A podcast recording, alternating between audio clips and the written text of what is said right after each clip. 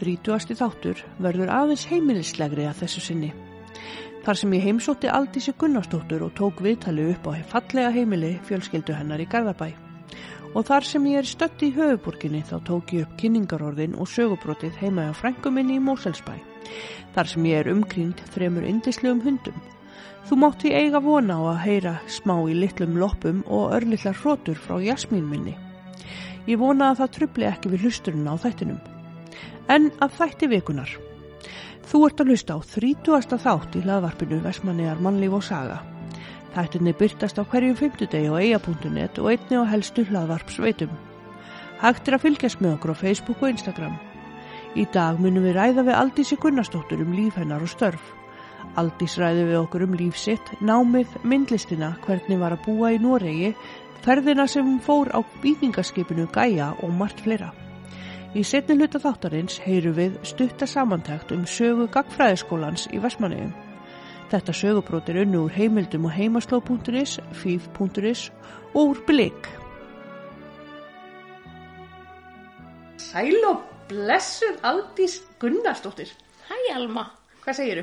bara rosa fínt. Hver er Aldís? Uh, hver er Aldís, já?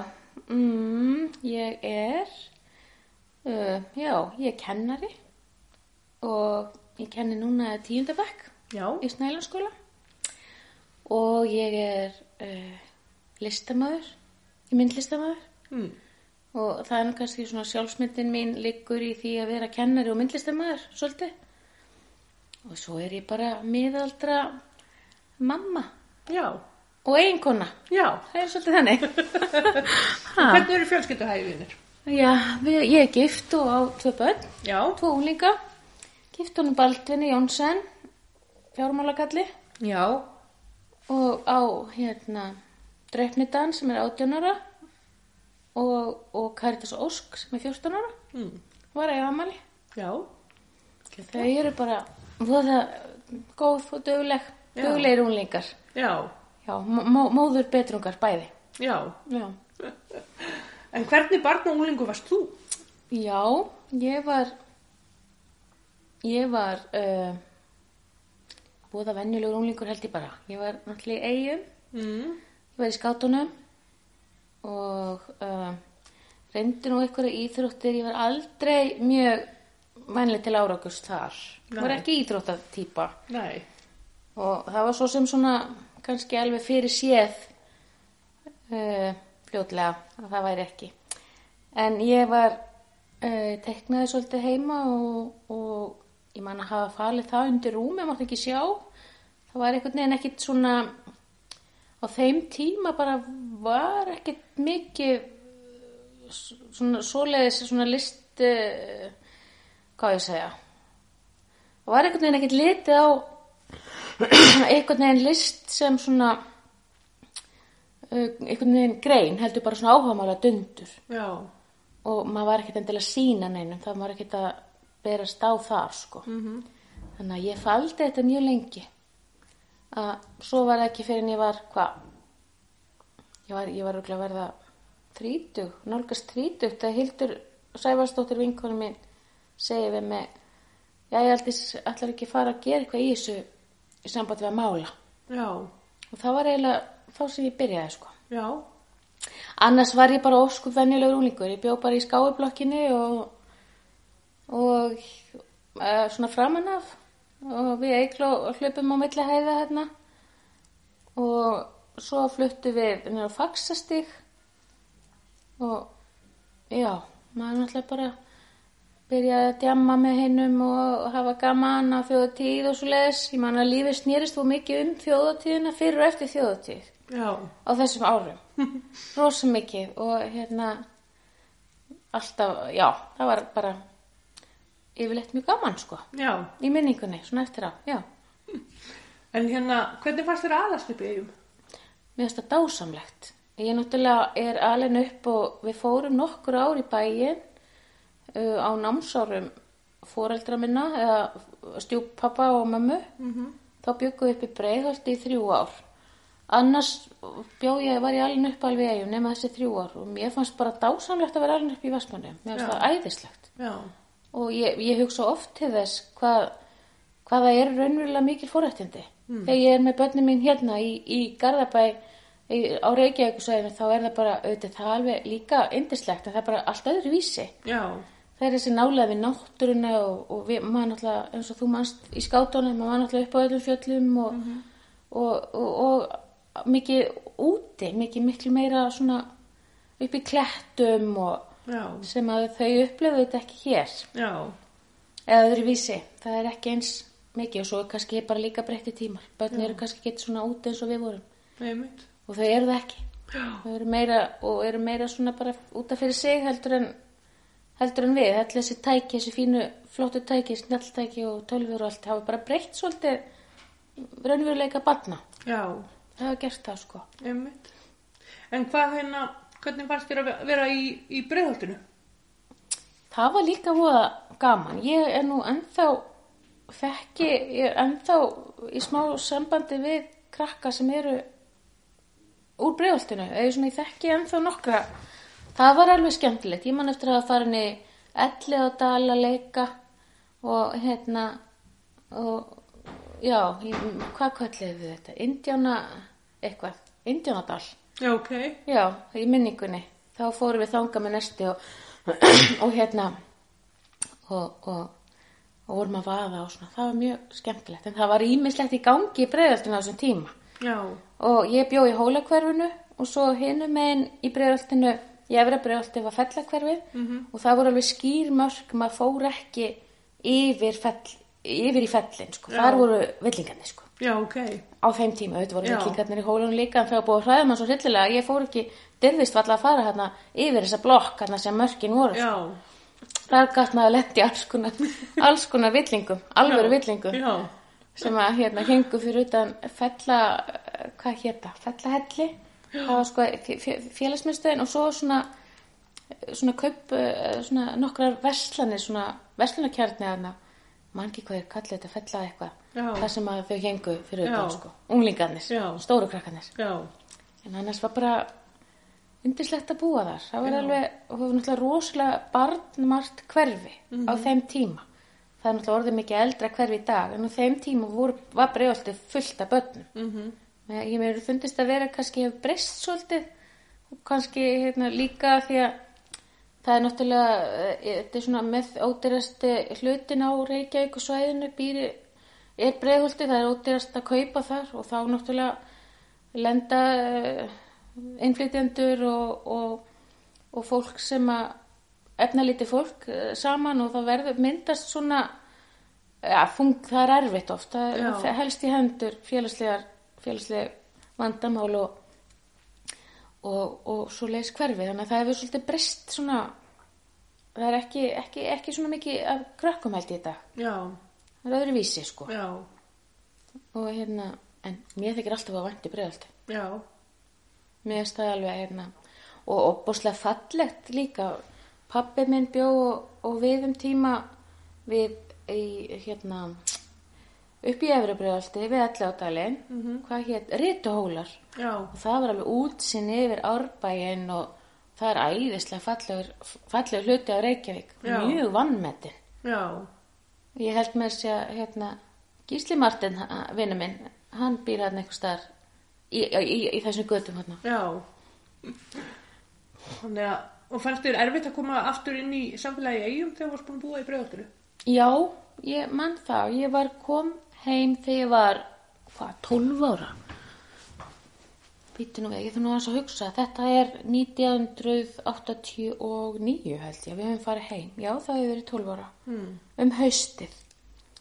Og ég var svona náttúrulega, fannst ég vola vera alltaf vön, koma á Reykjavík, sko í, hérna til eiga sko, ég mjögast ég voðalega svona og, og þá var ég tísku að vera í svona snjáðum gallabuksumanni og, og svona skræbóttum vestum og skýrt, hvítum skýrtum undir og ég var auðvitað búin að tilikka mér það og, þótti, mér, þótti ég mikil skvisa sko sjálfur en það var nú kannski ekki alveg heima voru krakkarnir meira bara í handból spesialskóm og, og, og, og manni og hérna og, apelskynskölum og eitthvað svo leið sem að Já. það var líka alveg tísku sko en Já, já. ég var ekki, ég var, ég man ég fannst ég að pína öðruvísi Já. upplýði mig alltaf svolítið svona utanveldu en ég hafði náttúrulega alltaf haldið sambandi við frængur mínar og, við eiklósöfu vinkunu og þannig að ég var ekkit eitthvað, ég var ekkit fyrir, út úr þannig laga, sko.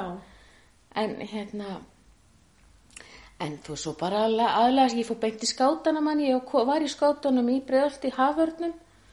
Og, og fór svo heim til eiga og fór í, í Faxa, skátafélagið og það, það náttúrulega var mjög skemmtilegt.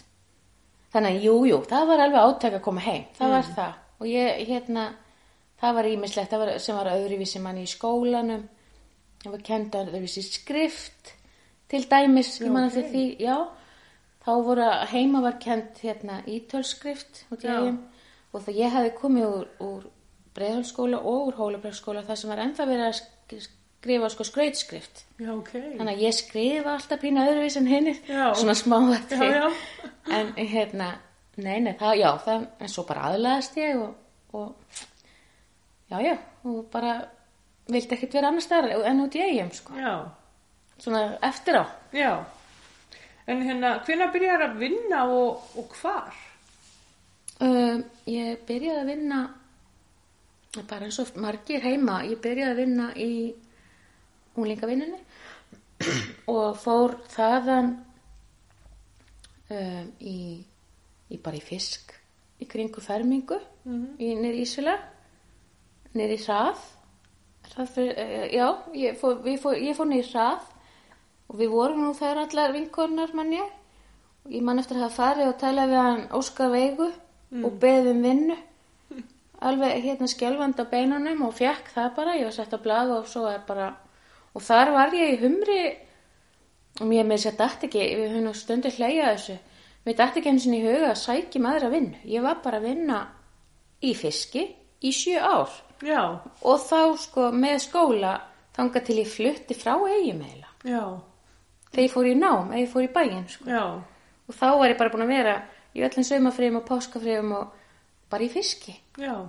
mér, mér fannst það bara fínt ég, hérna maður þurfti ekki að hérna, hafa samskiptið með neitt, maður gæti bara hlusta á útvarpi og skorið úr og fengi penning Já. ég var bara glöð með það sko Já. Annars væri náttúrulega líka að passa ykkur börn og eitthvað svoleiðis inn á milli. En, en það var kannski svona meira svona tilfallandi auðvitað Já. heldur en að vera í fiski.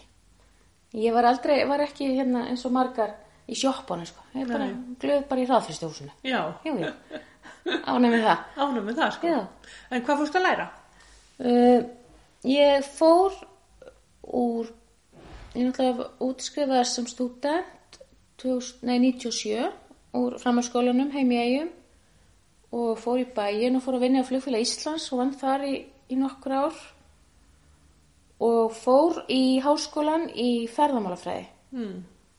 Þá hafði ég verið í MK og tekið ferðamálafræði þar líka og hérna var að vinna, fulla vinnu með og þetta var nú svolítið þungt hjá mér. En það var svona alþjóðlegt próf sem ég náði ekki sko, man ég, en ég var samt útskrifuð eins og með tvö stúdenspróf. Já. Annað úr félagsfræði úr heimi í eigum og svo eiginlega úr ferðamálafræði úr MK líka. Já. Þannig að ég hafði svo sem ekkert að gera við það. Það, það nýttist mér ekkert mikið en ég lærði náttúrulega uh, helling sko og auðvitað nýtist allt nám. Já, já. Hvort sem að þú vinnur við ekki þannig lagað en þú veist, það gerði ekkert fyrir mig. Þannig, Já. þú veist.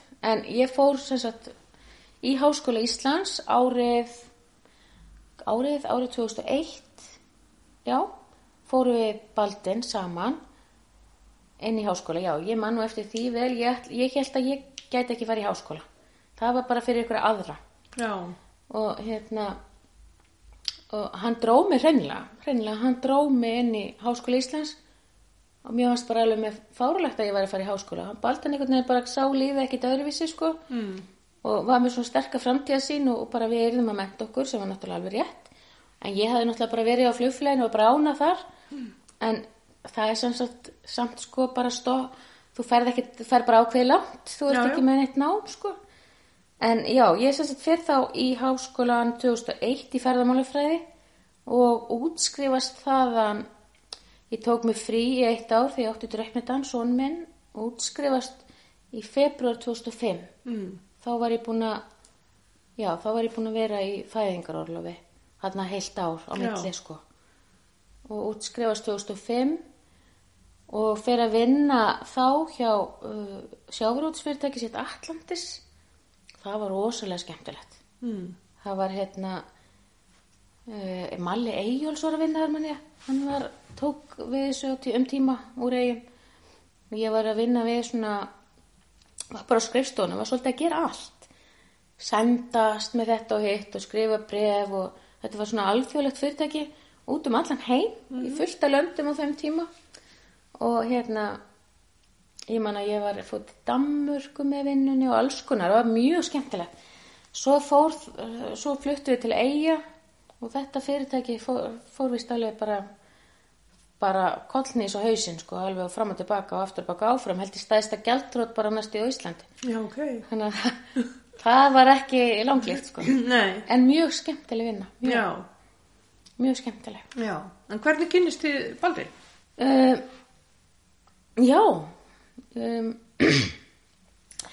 ég verður að afsaka ég er, ég með eitthvað, eitthvað í hálsum Allt í góðu. hálsbólgu við hérna uh, ha, já það var að þjóðhátíð um 98 þá var ég lofið öðrum eh, manni og var voða lítið að horfa í kringum mig nema að Baldin er þarna eitthvað vappandi þarna í kringum mig og, og, og þetta er nú svolítið fyndin saga, hann er nú svolítið góður í að segja þessa sögu sko, ég átti bara kærasta minn í Vestmannheim og, og það var alltaf verið að segja að hann hafi klætt sig upp í, með tennur og, ykkur óksaljóta tennur og ykkur óksaljót fött og hérna fannst, hann var mjög fyndin og er mjög fyndin og skemmtilegur strákur.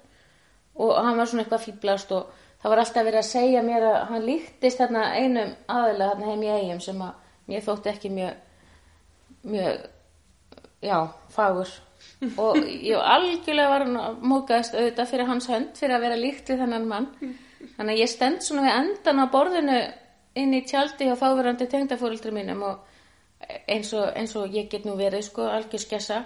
Og það var svona fullt tjaldi í, í U sem sátt allir við borðið fullt af fólki mann ég, ég mann samt ekki eftir Baldvinni hann var samt allir inni sko hann hefur sagt mig frá þessu sjálfu og ég stend svona endan á borðið og þruma yfir öllum að, að hann sé sko ekki líkur þessu manni. Já. og bara ég ætla bara að láta ykkur vita því að því, það er nú ekkert í lagi að því sé eitthvað líka honum við þennan mann og eitthvað alveg bla bla og ra- rausaði þetta sko.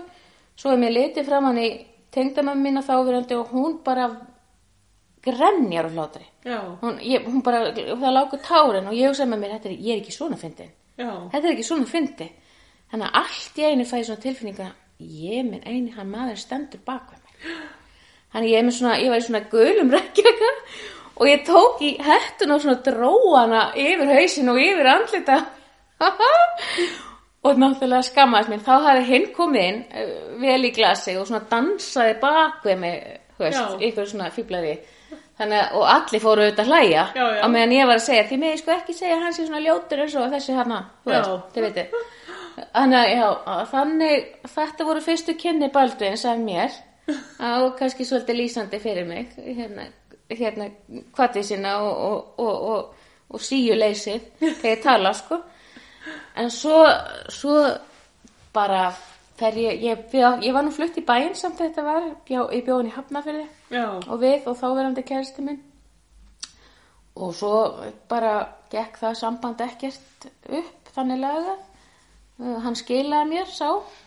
Og ég var að vinna á flugflæðinu þetta var og bara leiði með vinkurum minni í bæ í Reykjavík. Mm. og myndi ekkert eftir baldvinni sko, var ekkert að spá í því svo líður ár frá þessu, þetta er í, í ágúst 98 og í nóvember 99 ég man það svo vel því að þetta var 14. nóvember að því að hún Hildur Sigurstens hún fætt hana Ísabellu hennan dag, dóttur Já. sína og hérna og, og hann svífur á mig inn á Astro auðvitað af öllum skemmtistöðum sem þá var svona hipp og cool í Reykjavík svífur á mig og, og spyr mig hvort ég heiti ekki Aldís og jú, segi ég og var nú svona fyrir utan að hann er náttúrulega tveir metrar hæð þá var ég bara, hver er þetta? Já. hver ertu?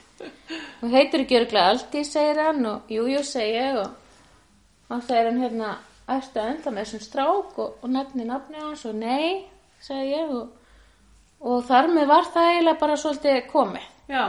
Hann hérna lagði línutnar það sko og við, en það var reynda svolítið slitur þarna fyrsta árið, það var svona, hann var auðvitað vorulega ákveðin sko og vildi svolítið stjórna mér og ég vildi náttúrulega alls ekki láta stjórna mér.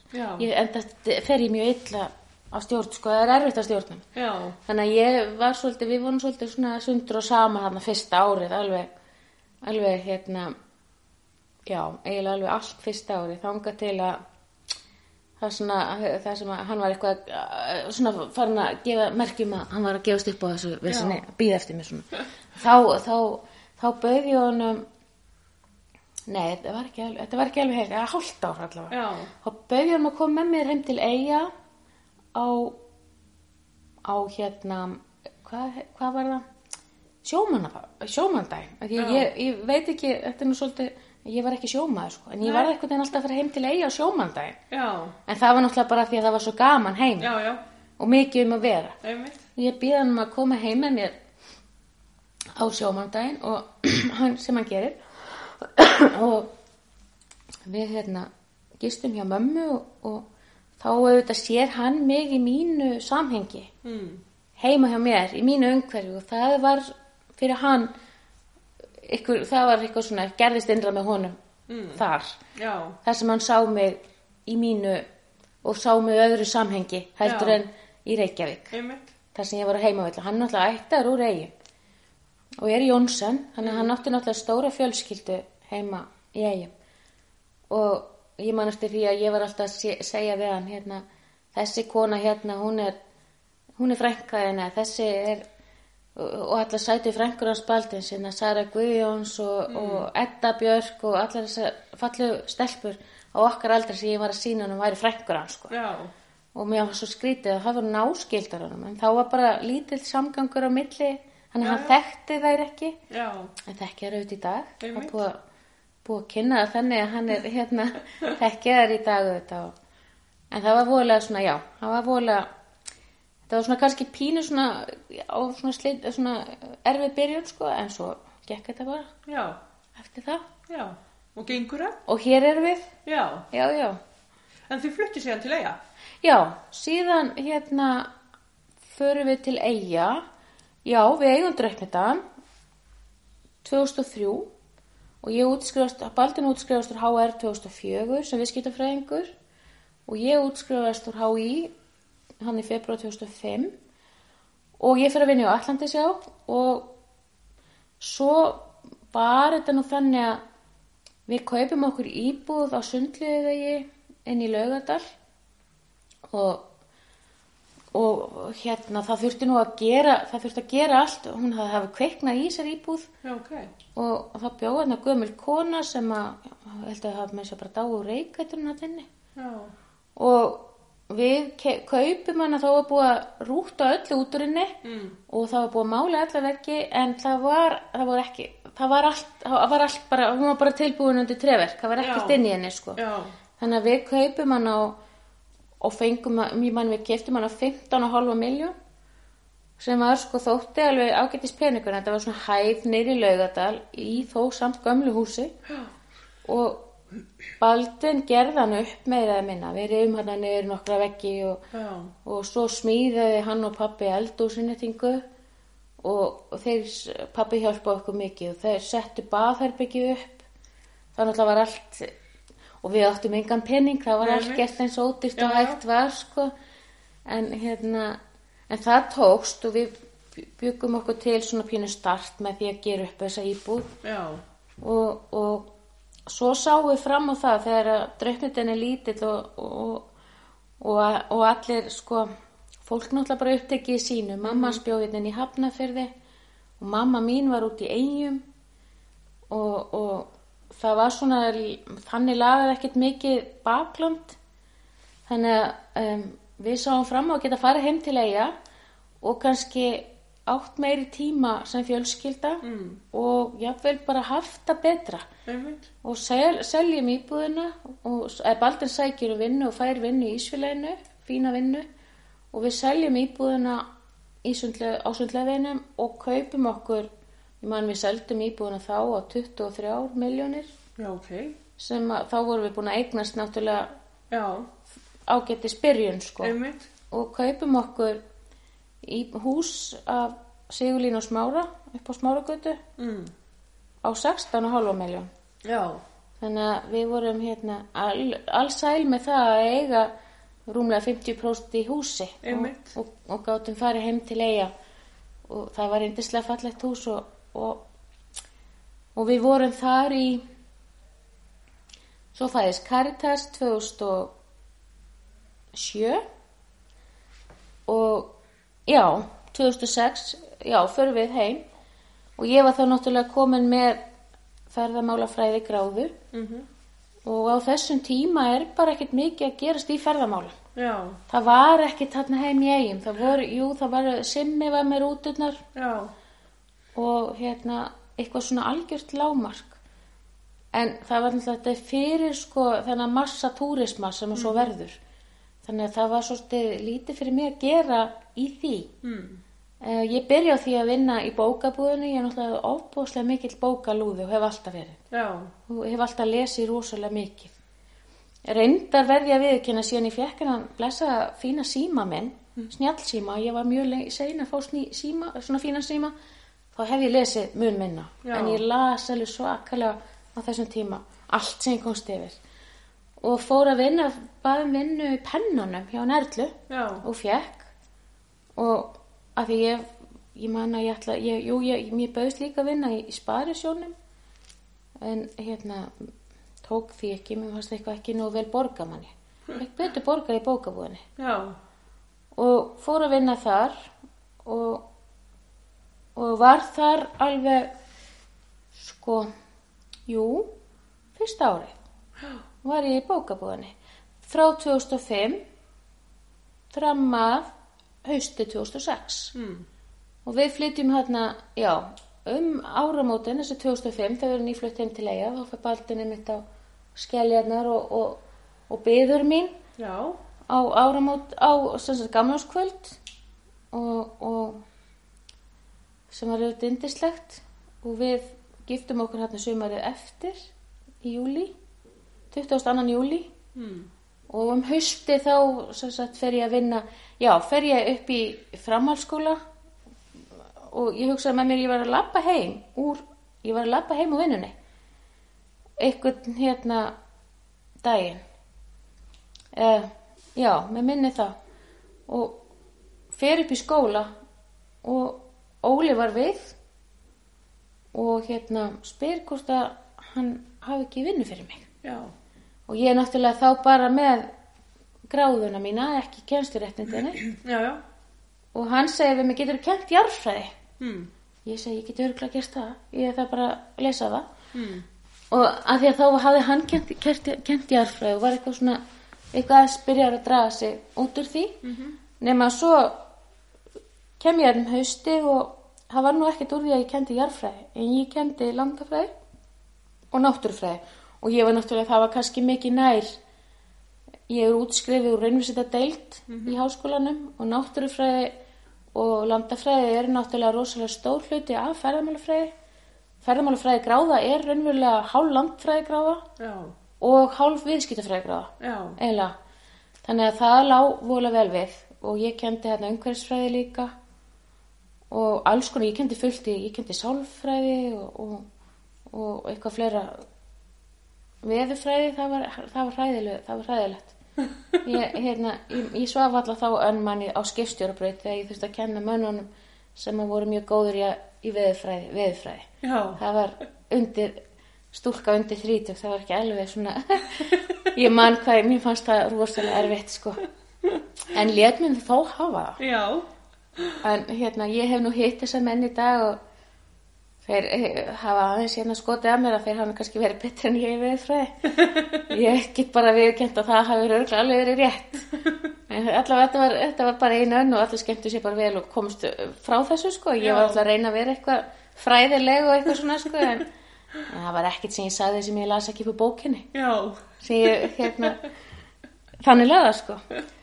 Já, en ég, já, svo, já, við vorum þar, ég kendi í framhalskólanum alveg þangað til við fórum til Norex árið 2010. um já, já, Þá vorum við búin að búa í tæp 5 ár já, út í eigin. Þá var Karitas fætt. Hún fæðist ég að 2007, hún var þryggja, tveggja hálsás þegar við förum út. já, Og Draupnidan, hann var sex og hálsás. Hann, þegar Emmali hérna um hausti, hann um veturinn og hún um hausti. já, Þannig að þau voru, þau, já, tveggja hálsás og, og sex og hálsás þegar við förum til Álusunds já. í Noregi. Og hvað voru þið að gera þar? Uh, Baldun misti vinnuna í hrununu og það var bara lítið vinn að hafa á þessum tíma Já, og bara erfiður tími einmitt. og þegar ég hugsa tilbaka og svona hérna bara, já erfitt fyrir alla og margir sem að mistu vinnuna og margir sem að lendu miklu miklu verri í heldur en við þannig leða sko Já, en þegar þetta gekk yfir þá var þetta óskaplega erfitt tímabil já, þegar ég hugsa tilbaka og, og reyndi mikið á andlegu hliðina hjá okkur einmitt. en við, sem sagt, hann sækir um uh, vinnu sem fjármálastjóri hjá dótturfélagi Samskipa Já, ok. í Álusundi sem hétt og heitir Frík og Kér þetta fyrirtæki, þetta, er, þetta var sem sagt og er uh, fristigemsla ok.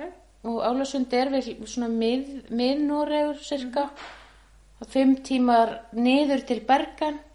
Og fimm tímar frá Bergen til Oslo eða eitthvað um það. Já, eða kannski aðeins steitra þannig að við erum svona við mið Noreg Já. við erum ekki alveg í norður Noreg og ekki í söður við erum Já. svona fyrir mið Noreg og hann sem sagt fyrir að vinna sem fjármálustjóri hjá Frík og ég uh, var bara heima til að byrja með. Við vorum náttúrulega með tvö lítil börn og ekkert bakland Já, og enginn í Álusundi auðvitað já, já. förum hérna út og, og hérna komum með innbúið okkar og, og einn gám og einn bíl. Fluttum bílinn okkar út áttum hérna Toyota RAV. Og e- erum nýbúin að skipta, við erum nýkomin á nýjan bíl. Hann var sko fluttur til Norris og tilbaka aftur. Það hafði nú bara ekki gerst á Íslandi þegar ætlaði ekki að geta skili hvernig veist, það fór alltaf hliðina sko við skráninguna því að það hafði ekki farið bíl út úr landinu og komið tilbaka Já, um, okkur dætti einhvern veginn aldrei hefur verið um opúslega lítið bílafólk að skipta um bíl. Við vorum Já. bara alltaf á sama bílnum. Já, það var ekki fyrir að rám, hérna, mótorn í rúðu þurrkurum hætti að virka ég sagði baldinni, ég nennis ekki, nú vil ég fá nýjan bíl. Já, og það var á þessu ári og þá var hann orðin sko 17 ára bíli já, hann var jakk gamall, já, sinni mínum þegar að, þegar að við hérna, erum, við fórum bara inn í þóðið og fengum annan nýjan ráð. Já. við erum opúslega hérna, nægir sög. já, þetta bara virkar vel og það bara keftur eins annar. Og það er fínt sko. já, þannig að við vorum í já, við vorum í hérna leiðum okkur hús og ég fara aftur til Noregs. Já, legðum, byrjum á því að leia og hérna legðum okkur hús á Þurrtúnvægin það var í Spjalkavík í Álusundi mm. og endum inn í ofsulega fínu hverfi, þannig lagað. Það var ég var, ég satt heima þegar böldin fyrir út, þetta er náttúrulega svo erfið tímar hjá mörgum. Já, Ég satt heima þegar hann er komið með vinnuna þá er hann náttúrulega, fer hann út til að skoða aðstæður. Mhm, og hann hafi verið svona í, í ykkur svona sérverkefnum eitthvað fyrir bæinn, hann var að greina þörf, eitthvað í sambandi við túrisma, ég man ekki alveg hvað það var. Og jú, hann var eitthvað, eitthvað, skemmt, eitthvað í sambandi við skemmtifæraskipunar og hann fer út sagt, til að kanna aðstæður hérna, um hausti nei um vorið. Og, og á meðan sitt ég heima uh, upp á smórakötu og að googla. Já, hérna hvar er Álasund já, og ég hefði nú aldrei komið til Noregs ég hefði einu sinni komið á flugvöllin þegar ég var á leðinu til Brasilíu þegar ég sildi niður með Gaia niður Amazon. Þá hafði ég millilent í Noregi. Það var eini og ég reyndar á Gaia voru bara normen já, og við pappi og hérna já, það var náttúrulega líka mjög fyndir því að það allir þeir menn sem voru með mér og gæja, þeir voru frá bæjarum í kringum Álusund. Já, ok. Þannig að ég þekkti nú alveg nokkra nármenn sko, þegar við komum út til Álusund. Já, ég sem sagt sitt heima og googla hvar bærin er og, og hvert ég sé að flytja og hvert við erum að flytja og maður var náttúrulega skítrættur. Við vorum ung hjón, 33 og 4 ára og með tvo litla krakka og við vorum að fara í annar land sem við þekktum ekki neitt Mm -hmm. nema bara auðvitað eins og aðrir Íslandingar þú veist, ég, ég náttúrulega maður þekkti vissi hvað það var og, og, Já, já. og þekkti norska fánan og eitthvað en e- ekkert mikið meira sko Einmitt. og ég komst að því að þegar ég googla álasund að þetta hlyti nú að vera eitt fallegasti bær í heimi því að hann Já. er það sko Já. alveg ofbúslega fallegu bær og ég, mér er bara rosalega létt við það manni að það skipti svo miklu máli einhvern veginn, við vorum að fara úr eigum og það breytti svo miklu að það væri fallegu bær Já. einhvern veginn í, í svona andlega sko, í huganum á mér þannig að við já, þannig að við já, förum þangað og, og endum á því að eiga heima í Álasundi í átta ár. Já. byggum þar í átta ár. Já. og það var bæði erfitt og gaman. Mm það var hérna, það náttúrulega opaslega, lærðum opaslega margt. Lærðum hérna nýtt tungumál og krakkarnir. Og og á nýtt samfélag þannig að hérna trublar er, er bakljóðið nei, nei, nei, nei. Uh, sem sagt, já, við ég var svolítið lengi að komast inn í norskuna því að ég var náttúrulega heima. Mm. og það var hérna íslensk kona, Anna-Maria sem að var leikskólastjóri yfir, yfir leikskólanum í Spjálkavík sem við byggum. Og hún byrði, spyr mig hvort ég vilja koma í aflýsingar býði mér aflýsingar á leikskóla og ég var náttúrulega þá búin að læra að vera kennari ég gerði það því ég tók það utan skóla e, út í eigum þegar ég var að kenna þar upp í framháskóla þá tók ég kennsluréttindin Já. og var komið með bæði kennsluréttindi á grunn og framháskóla stigi Já, ok. þannig að ég hafði það upp á vasan og ég var voðalega fegin að því að kennsluréttindi eru náttúrulega nokkuð alþjóðlega sko. Mm og, og það er svolítið svona það er allstæðar verið að kenna Já. En að meðan þú talar ekki tungumáli þá getur það er erfitt að vera kennari og talar ekki norsku í Nóri Já, já. þannig að ég, mér fannst það úrslega fínt að byrja að vinna í leikskóla og það var það. Já. og börn eru auðvitað yndisleg. Einmitt. þau leiðréttu mig bara mjög mikið. Já. alveg bara og akkur, akkur talar svona skringilega manni Já. akkur talar svona sk- skrítið? Ég sagði ég er bara út, útlensk. Ég er bara íslensk, ég er ekki norsk Já. ok og þeim varst þetta allt mjög hérna, áhugavert og, Já. það, eru svo einlega og yndisleg að ég, þau leiðréttu mig ef ég talaði vittlust Já. og ef ég var að tala eitthvað alveg út í hött og eða ég vissi ekki orði og benti og þá sögðu þau mig orði og ég lærði svolítið bara norsku af leikskólibörn Já. þannig að hérna, orðafórin fyrstum sinn var kannski bara miðað svolítið við fimm ára Já. fyrstu, fyrsta árið sko Já. Svo fekk ég nú vinnu sótt ég um að kenna sagt íslenskum börnum norsku með íslensku Já. þá tók ég þau út úr tímum kom ég inn í skólana og tók þau út úr tímum og var með þau tvisari viku í kennslu þar sem ég gætt kent þeim sko með íslensku sem stuðning Já. að norsku sko Já. og lærði náttúrulega rosalega mikið sjálf á því Já. Það gerði ég nokkur ár kerði millir grunnskólana í Álusundi og það var rosalega skemmtilegt en það var líka óbúslega uh, einmannlegt Já. ég hérna að því að maður var svo mikið einn og þú áttur eiginlega ekki einn vinnustaf Já, mitt. þú varst ekki meina þér svona beis Já. þannig að ég var, ég var orðin óbúslega leið á því Já. um, já, en í millitíðinni náttúrulega fer ég og, og þegar ég er búin að búa í Nóri eitt ár þá sæki ég um í listaskólanum í Nóri Mm. í Álusundi og það var svona, við vorum ekki alveg Baldin var nú ekkit alveg á því að ég var náttúrulega búin að var með, hérna grunngráði og framhalsnám og, og var bara orðin vel já. og, og hann náttúrulega vann fyrir okkur og hann var ekkit, ég man, hann var ekkit alveg, tók ekkit ofbúslega vel í það þegar ég, ég stakk upp á þeirri frábæri hugmynd minna að fara í listnám Já. hann var ekkit alveg bara það, það var ekkert alveg vei, ok, Nei. þú fyrir skóla, ég held bara frá að vinna. Já. En ég hérna seldan með þetta með þeim rökum sko að ég náttúrulega fer frá vinnu sem ég var ofslega ánað í Já. heim í eigu Já. Og ég var ofbúslega ánað í framháskólanum og ég er ennþá alveg, ég fæ ennþá, mér langar ennþá að fara þangað og, og, og, og kenna Já. og ég, mér bara, það er bara skemmtilegasti vinnustæði sem ég hef verið á, það er þar.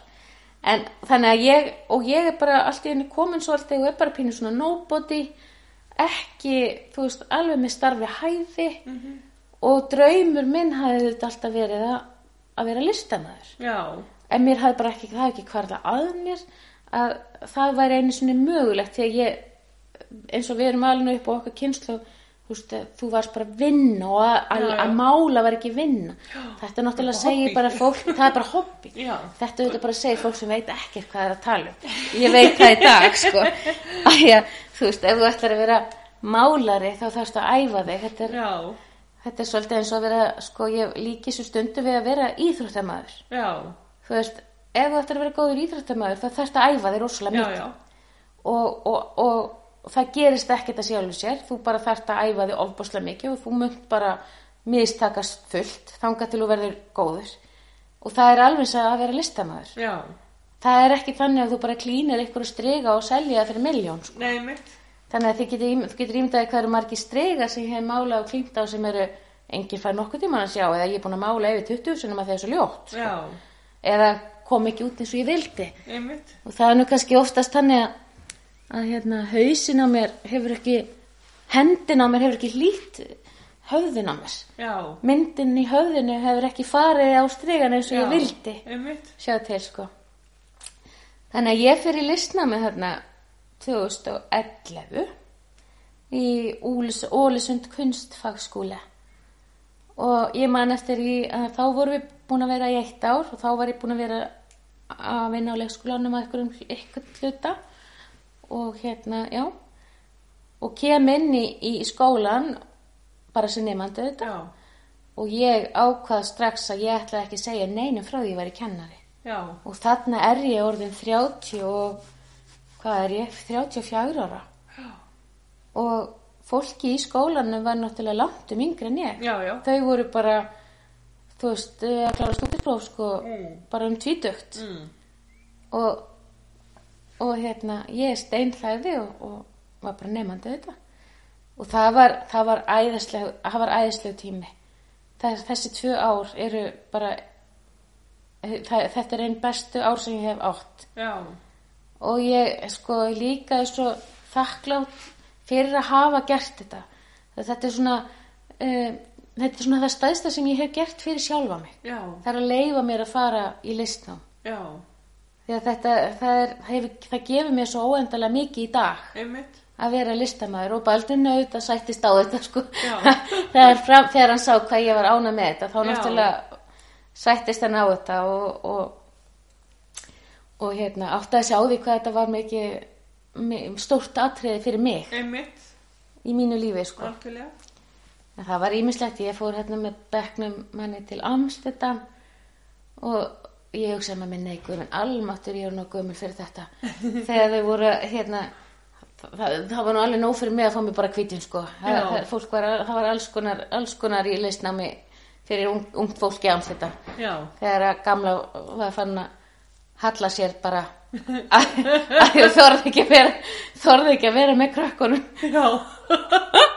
þá fattaði ég að ég var elst í skólanum Já. og svo þegar vorum að fara heiman í úr þeirri ferð þá, þá átti enginn fyrir rútun upp á flugvöll þannig að ég borgaði fyrir hálfan bekkin rútuna eða baldinu þetta því að ég átti enga peninga upp á flugvöll í ferðalegni þá, þá fattaði ég líka hvað ég var langt um eldri en þau ég minn en þetta var indislega tími Já.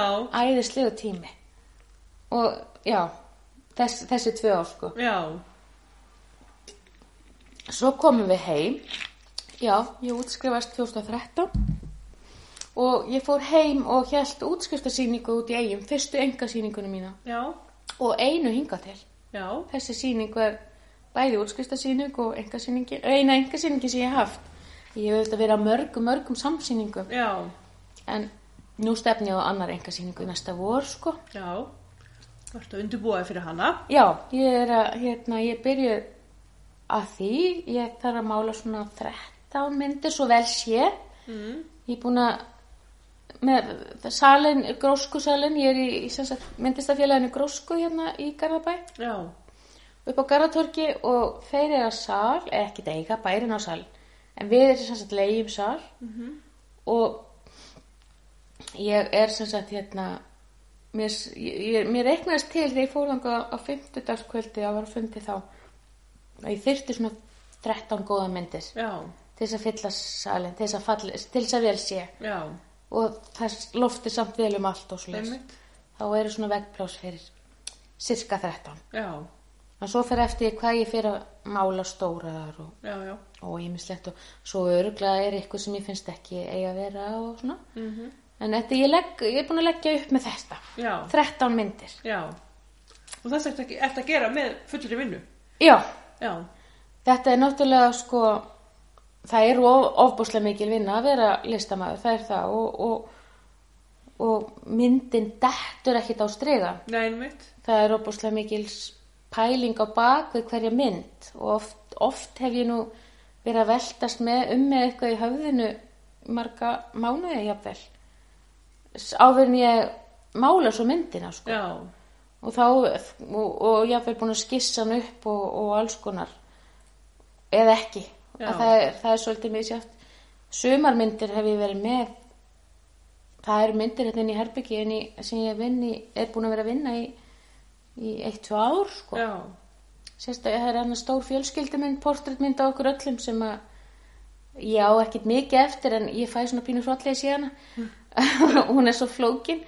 Portréttmyndir eru svo flóknar svo erfiðar, andlismyndir að það má ekkert út að bregða. Ef það er ein vitlu stróka þá Já, já. lítur fólk alltaf þeirvis út sko. Þannig að það krefst alveg gífulegur einbettingar að mála svoleiðis myndir. Já. þannig að ég er núna svona aðeins að kefti mér akrilmálingu sem að ég, ég mála alltaf, yfirleitt alltaf með olju Já. en kefti mér núna akrilmálingu og ætla aðeins að mála með akrila því að akrildin þotna svo hratt.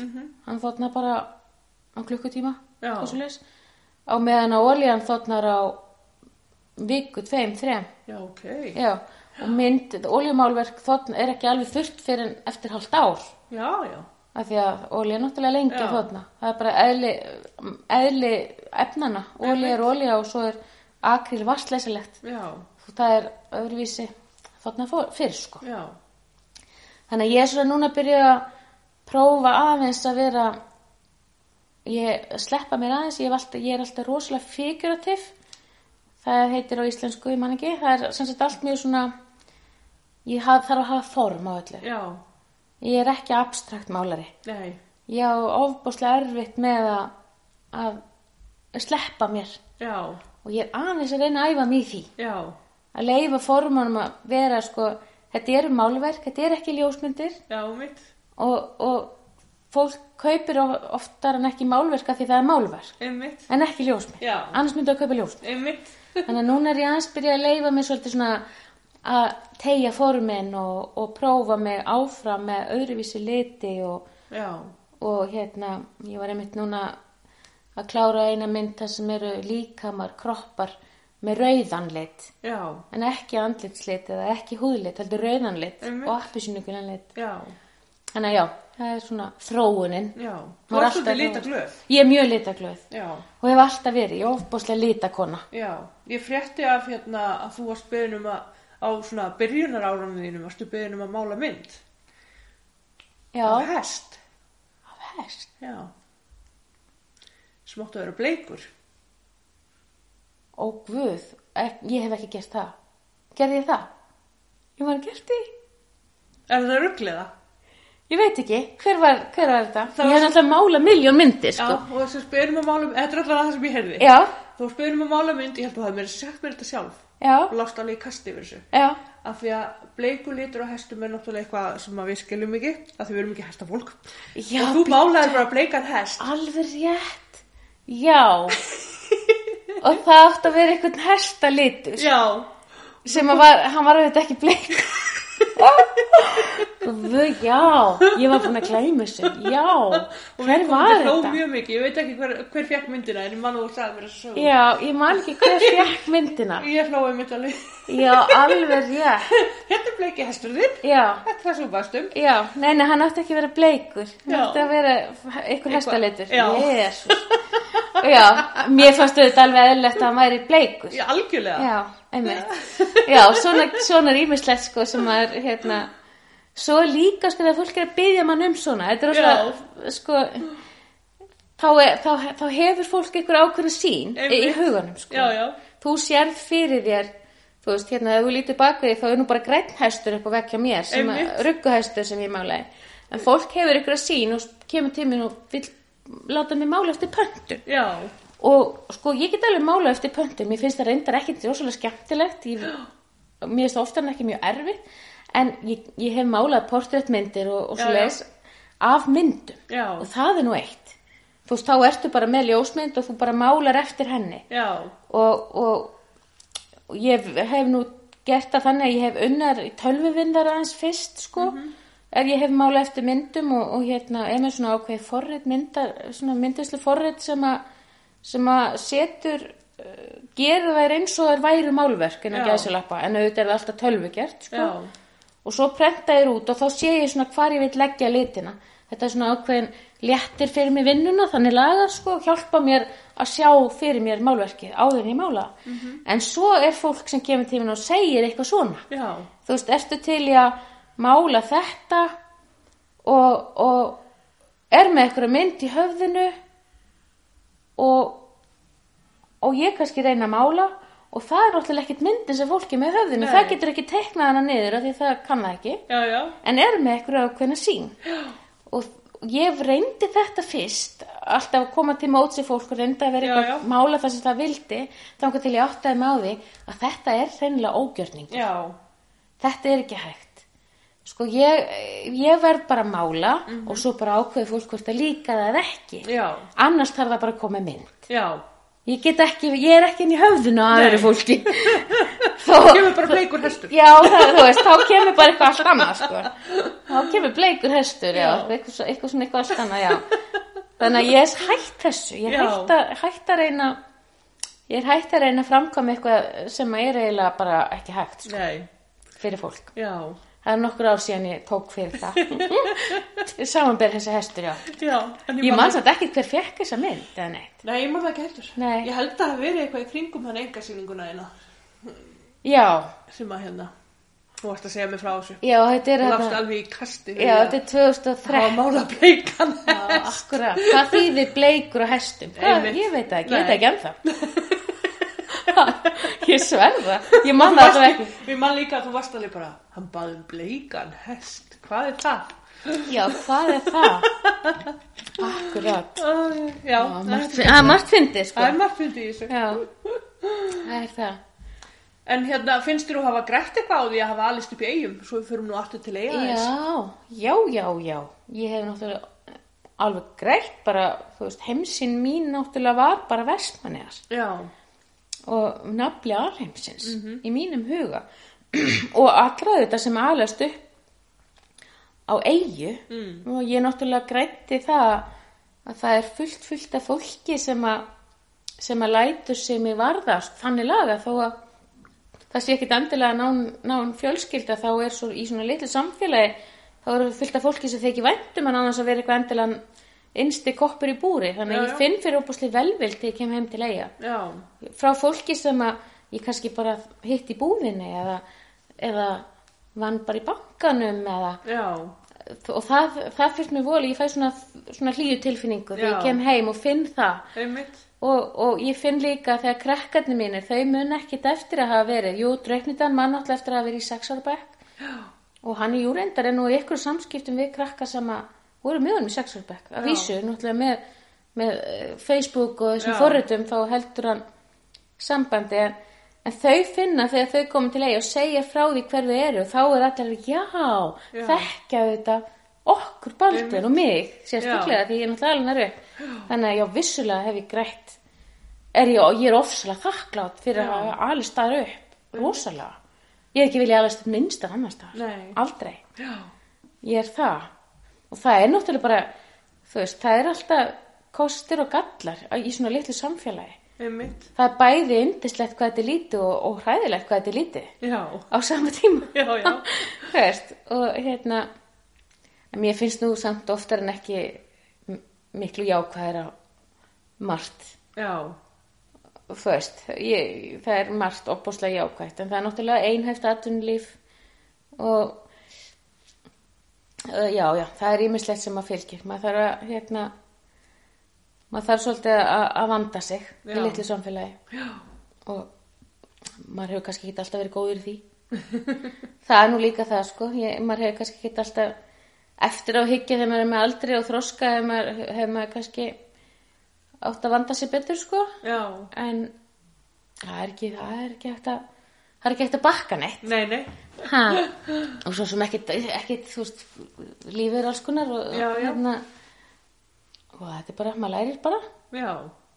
verður að gera það Einmitt. eins og maður lifir sko En finnst þér eitthvað ábútarátt í eigum?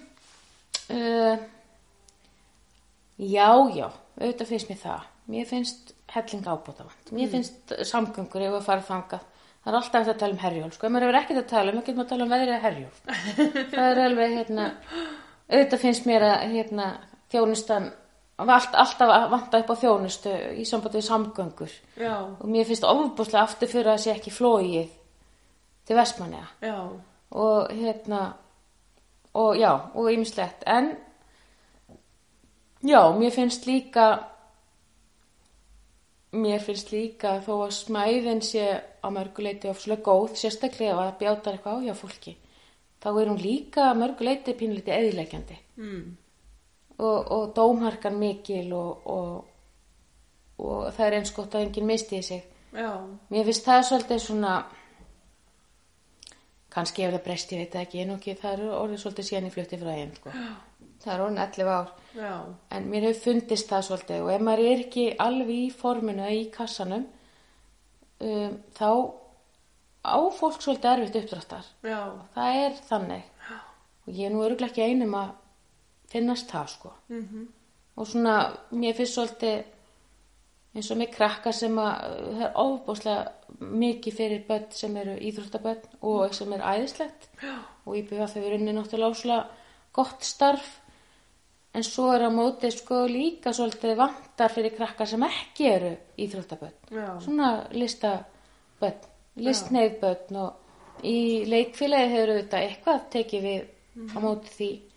En það er líka, líka einhæft. Mhm.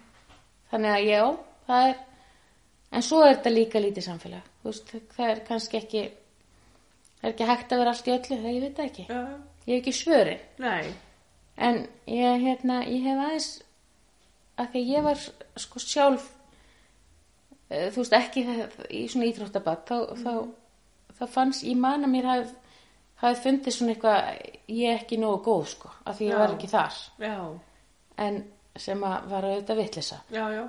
en ég- það var heldur ekkit annað en skátarnir sem að björguðu helling Mhm. en það var ekkert svona listatengt á þeim tíma Já.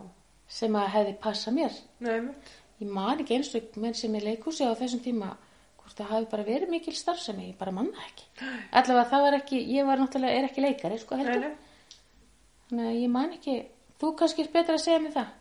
Varst, þú varst nú í, Þetta er smá en ekkert mikið, sko. nei, nei, ég man ekkit mikið allavega, Það var ég, alveg, jú, já, voru nokkur einhverjir einstaklingar sem voru meira þar inni, sko. já, Á þeim tíma. já. En ég man ekki eftir mörgu. Já, mörgu sko. En já en það er alltaf hægt að gaggrin það er svo ofslega gott að vera í dómarsætinu annars þar já, já. ha, þú veist að reyna að æfa mig í að, hérna, láta ekki allt leka sko. Já. ha, aðeins að reyna það. Finnst þið mikil breyting á í einu núna og þegar þú varst ung? já, já og nei. Uh, ég veit ekki. Ég, það var sko, það var náttúrulega alltaf þjóðutíð og það var alltaf tommamóti í gamla dag sem er, hvað er sjálfmóti í dag? Eða hvað heitir þetta, pollamót. Orkum, nei. orkumót. Það er stóra ekki. strá, strákamótið þarna og svo Jú, var það gott mótið? setna kom pæjumótið. Og það var reyndar aðeins setna, eitthvað tíma ansamt Já. þannig að það er rosalega mikill uppgangur og, og á sumrin og mikil gróska ég, ég get alveg dáðst af því því ég horfi, það er fullt af bæjarfjölum um allt land sem að er ekki með sko brota af því sem er að gerast út í eigum og sérstaklega á sumrin, það er náttúrulega hvergi yndist er að vera í heiminum heldur en í vestmanni á sumrin. Þá þú veist, að mér finnst það ekki endilega óbústu skemmtilegt í januar Já. þá finnst mér að vola gaman í júli sko. Og ágúst. Ég man eftir því sko. En, hérna, nei ég veit það ekki. Ég, jú það hefur náttúrulega ferðaþjónustan hún er náttúrulega bara eins og allstaðar hún hefur náttúrulega tekið vel, af- vel við sig jú, jú, það eru veitingastæðir Mm. þú veist það, það var, í gamla dag var það skútin Mm. og svo var það bjössabar Já, já. var það ekki bara allt á tímabili, ég man það ekki Já. og, hérna og í klettinum Já. já munin, já. það var svona fínt, jú, Einmitt. En mér finnst það frábært heima hérna, það er þetta, þú getur bara rölt út og farið og gott og hérna fengið þér að borða og svo upp á, til eina bjöss og, og svo á slippin og mér finnst það, mér það dásanlegt og ég, Mm. þegar við komum heim til eiga þá reynum við að fara á staði Já. ef að maður vill hafa góða þjónustu þá þarf líka að sækja Einmitt. og það er, það er bara eins og með að vera listamæður sko. ef ég ætla að láta taka mig alvarlega þá verð ég að halda sýningar Já, já. Og ég vil kaupa af öðrum. Já. þannig að ég er svona hérna ég er svona að komast í í gýrin sko. Maður verður, líka að hugsa um samfélagi sitt. Vestla í heimabyggð. Einmitt. ég er inn líka, mér finnst líka aðeinslegt að kaupa mér eitthvað hér út í heim mér finnst bara hérna og allir svo smekkleir Já. það er alveg ótrúlegt ótrúlega, ótrúlega skemmtilegt að sjá. Þú veist, bara, bara fatabúðir. Það er allt svo smart Mm. þú veist, það er alls mér finnst eins og sé búið að taka svona það sem er í gangi í bænum og setja saman í eina búð Já. þannig að þú getur farið, þú farið allt það er alveg, alveg að hreina og fáur eitthvað fallegt Já. því, sko. mér finnst það svo skemmtilegt ég vesla mér oft eitthvað þegar ég kem til eiga og fer í Pólei og svona eitthvað Já. kaupi þar og hérna ég mér sér láta Pólei senda mig til Reykjavík sko. þannig að maður svona reyna að vera lojal sko, reyna Já. að hérna og fara, já, eins og ég segi fara á veitingastæðina og, og já, og vera vera með, sko. Eh, mér finnst æðislegt að fara heim. Mér finnst það alveg indislegt ég hef, við gerum nú ekkert mjög mikið af því, þannig kannski aðalega líka því að nú á ég ekki fóreldra heim í eigum og ekki Já. sískinni og ég á, jú, ömmu, fullorðna ömmu sem að býr uh, hérna uh, út í, út í kleifarhaunni Já. í lítið típu þar og ég, við erum bara við erum alltaf fjara manni fjölskylda og við vantar svolítið samastað Já. og það finnst mér pínleiti skrítið að rekast á. Ég á reyndar að hérna indislegan frænda og, og, og, og, og frængu Sig, Sigga og Frikki frændi minn, þau hafa verið okkur svona ofbúslega góð. Þau, hafa, þau eru svona nánust okkur þannig lagað heima hafa verið svona mest með okkur og og, og, og krökkunum mínum og svona hafa mikið verið í okkar lífi. Einmitt. og bæði þau byggum heim í eigum og, og, og, og þau höfum farið til Íslands þau fórum til Íslands þau byggum í Núri og svo bara í dag. Og þau hafa hýst okkur. En þau hafa sjálf líka fullt af börnum. Þau hafa þrjú börn sem eiga fjölskyldur og, hérna þannig að það, það, þau hafa svo sem alveg nóg með sig. Þannig að það hefur kannski aðeins stranda á því. Já. Og við höfum fengið líka verið, við höfum verið í hildivinkonu, hún hefur nú ekki búið í stórum húsum en hún hefur, hún hefði tróð okkur inn á klósett ef hún hefði getað, sko. við höfum gist hjá henni í stofinu og svona, en með svona draumurinn er að eiga, bara eiga litla íbúð, bara út í ásamarsblokk, ég sé það fyrir mér, eiga eitthvað svona litla sæta íbúð og geta bara farið heim til eiga, skroppið heim til eiga, mm. þeim er langar Já. og hérna verið með krakkana og Já. Og svona okkar okkar afdrepp þannig lagað sko sem Já. við getum farið farið í, Já. okkar reyður ekki þurfa að þú veist vera alltaf ekki, það, ég, það finnst engum, ég er ekki að segja það fólki finnst ekki, við ekki endilega vera tróðast Nei, en nei, maður já, það pínu já. sjálfur sko Algjörlega. Að maður sé svolítið svona hérna fyrir eitthvað á svona já, við heldur ekki overstay your welcome sko. Nei, og mikið að dóti kannski Já, þú veist, hérna, já, og bara, þú veist, við, Já, já. við erum bara fjölskyldir sem tökum plás, Já, já. skulum bara tala í íslensku. Það er engin hérna á þessu heimili sem ekki tekur plás, sko. Þannig að, hérna, já, ég, ég, það er draumurinn, Já, algjörlega. en finnst þú að hafa grætt eitthvað á því að hafa alist upp í Já, algjörlega. Ég hef náttúrulega, mér finnst, ég svona, hvað á ég að segja, mér finnst ég hafa grætt á til dæmis bara að hafa alist svona í, í nánu, uh, nánu samband við náttúruna. Mhm. Mér finnst það bara, hérna, og mér finnst ég hafa grætt alveg rosalega mikið á því og eins og ég segi, þessari smæð og já, mér finnst ég bara, ég er náttúrulega rosalega markaruð að lituð af því að vera þaðan. Já, og ef fólk spyrir mig þá, ég, ég er alltaf, ég er frá Vestmanni já, þú veist, og ég man þegar við fluttum til Álasund þegar drauknutan var lítill og krakkarnir í bekknum voru að spurja hann sko þegar hann kom í spjölkaríku skóla þá voru þau auðvitað forvitin og við vorum öðruvísi, Já. útlendingar. Og hann var var náttúrulega aðal spaðin í bekknum. Hann, var, hann voru allir að keppast við að hann heim til sín og hann eignaði strax fullt af yndislegum vinum og, og, og það var rosalega margt margt, margt fólk sem tók svo vel á mót okkur sem að við okkur þykir óendalega væntum og við svona stefnum á því að fara til álusundunum jól. En þá, sem sagt, já, ég fyrir veð, veður einu í annað, það er aðti hátíðið mitt. Allavega, hérna hann sem sagt þau spyrja, hvaðan ertu? Þá segir dreifndan, ég er frá Vestmanni já, og þau bara náttúrulega eitt spurningamerki, hvað er Vestmanni? já, Því að auðvitað vissu, vita fæst sex ára börn í, í mið Noregi hvað Vestmanni eru. Þó að fullorðna fólki vissi að ef ég sagði, sagðist vera frá Vestmanni um Íslandi, þá myndi svo margir eftir gósinu. Já, já, auðvitað. Normennir Já. og þau voru náttúrulega svo sérstaklega góð við okkur í gósinu en ég þreytist nú ekki á því að hrósa normennunum fyrir það og segja þeim frá öllu sem þeim gerðu fyrir okkur Já. og hérna hjálpu okkur hérna með leikskólana og, Já, og, húsinn og allt sem og, og húsin og, og já, elliheimili og, Já. og ekki sundhöllina og ég veit ekki hvað Einmitt. Þau, eh, sko, ég, ég, ég, ég passaði mig að þakka vel fyrir það Já. og sagði það var allir sem heyra vildu sko Já, sem að myndi eftir gósinu og Já. að ræða þetta annar borð sko.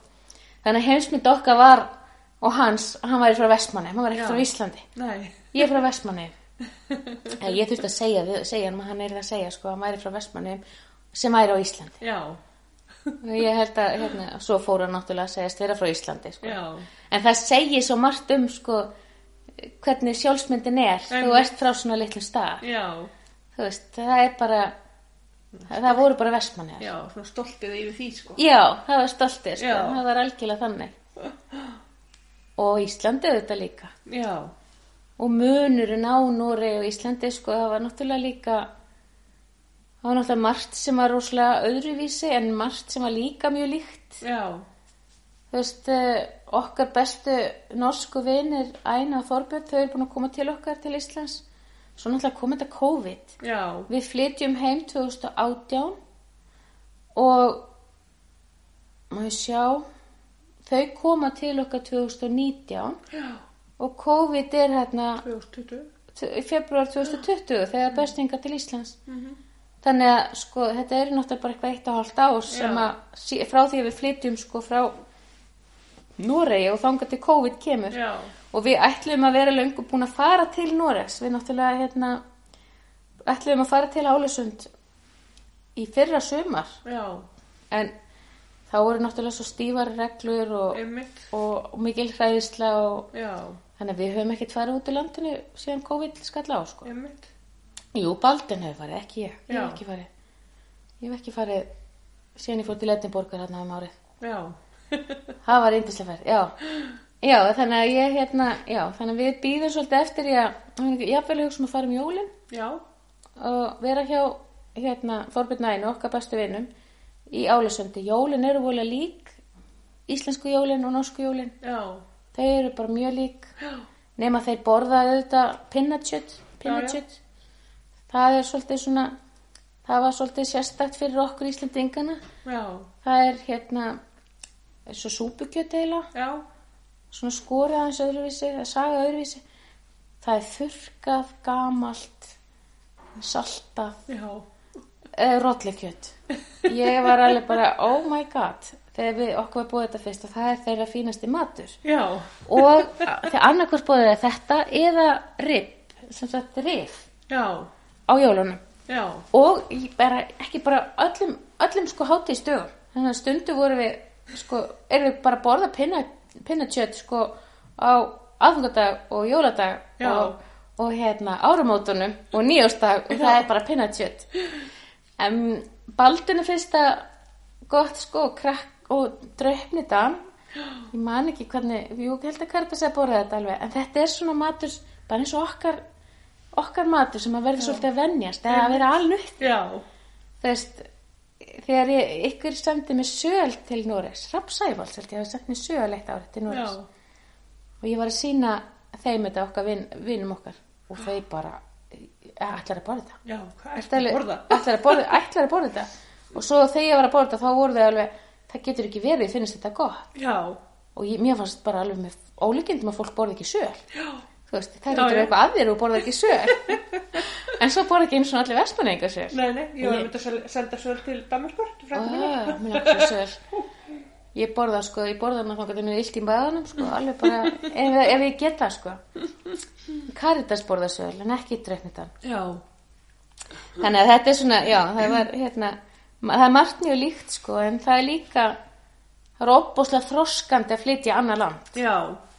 Það var rosalega svona, hérna, fyrir okkur að, að kynnast svona annari menningu og, og, og, og þú, þú ferð ekki neitt. Já. Þú ert í öðru landi. Þú veist, og þú, sko, ef við ætlum til Íslands þá þurftum við annarkvort að kæra til Oslo og fljúa frá Oslo til Keflaugur eða, þú veist, þetta var alltaf einn, tveir dagar í ferðalag Já. eða gista í Oslo og fara svo með flugi eða eitthvað Já. þannig að, hérna, maður skrapp ekkert Nei, nei. og við, það komu ár sem við fórum ekki heim Já. komi einhver ár sem við fórum þá var náttúrulega líka bara Baldvin var að vinna og hann átti bara ákveð mikið já. og svo var sko, viltu fara langar að fara með fjölskyldunina í sól og, og sumar eða viltu fara til Íslands Já.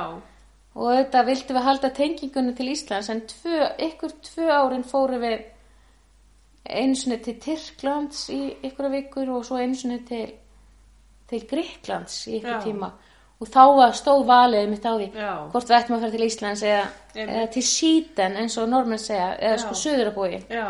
Og það var fyrir valinu þessi tvö ára að fara Já. í hitta og sól og sumaril sko Já.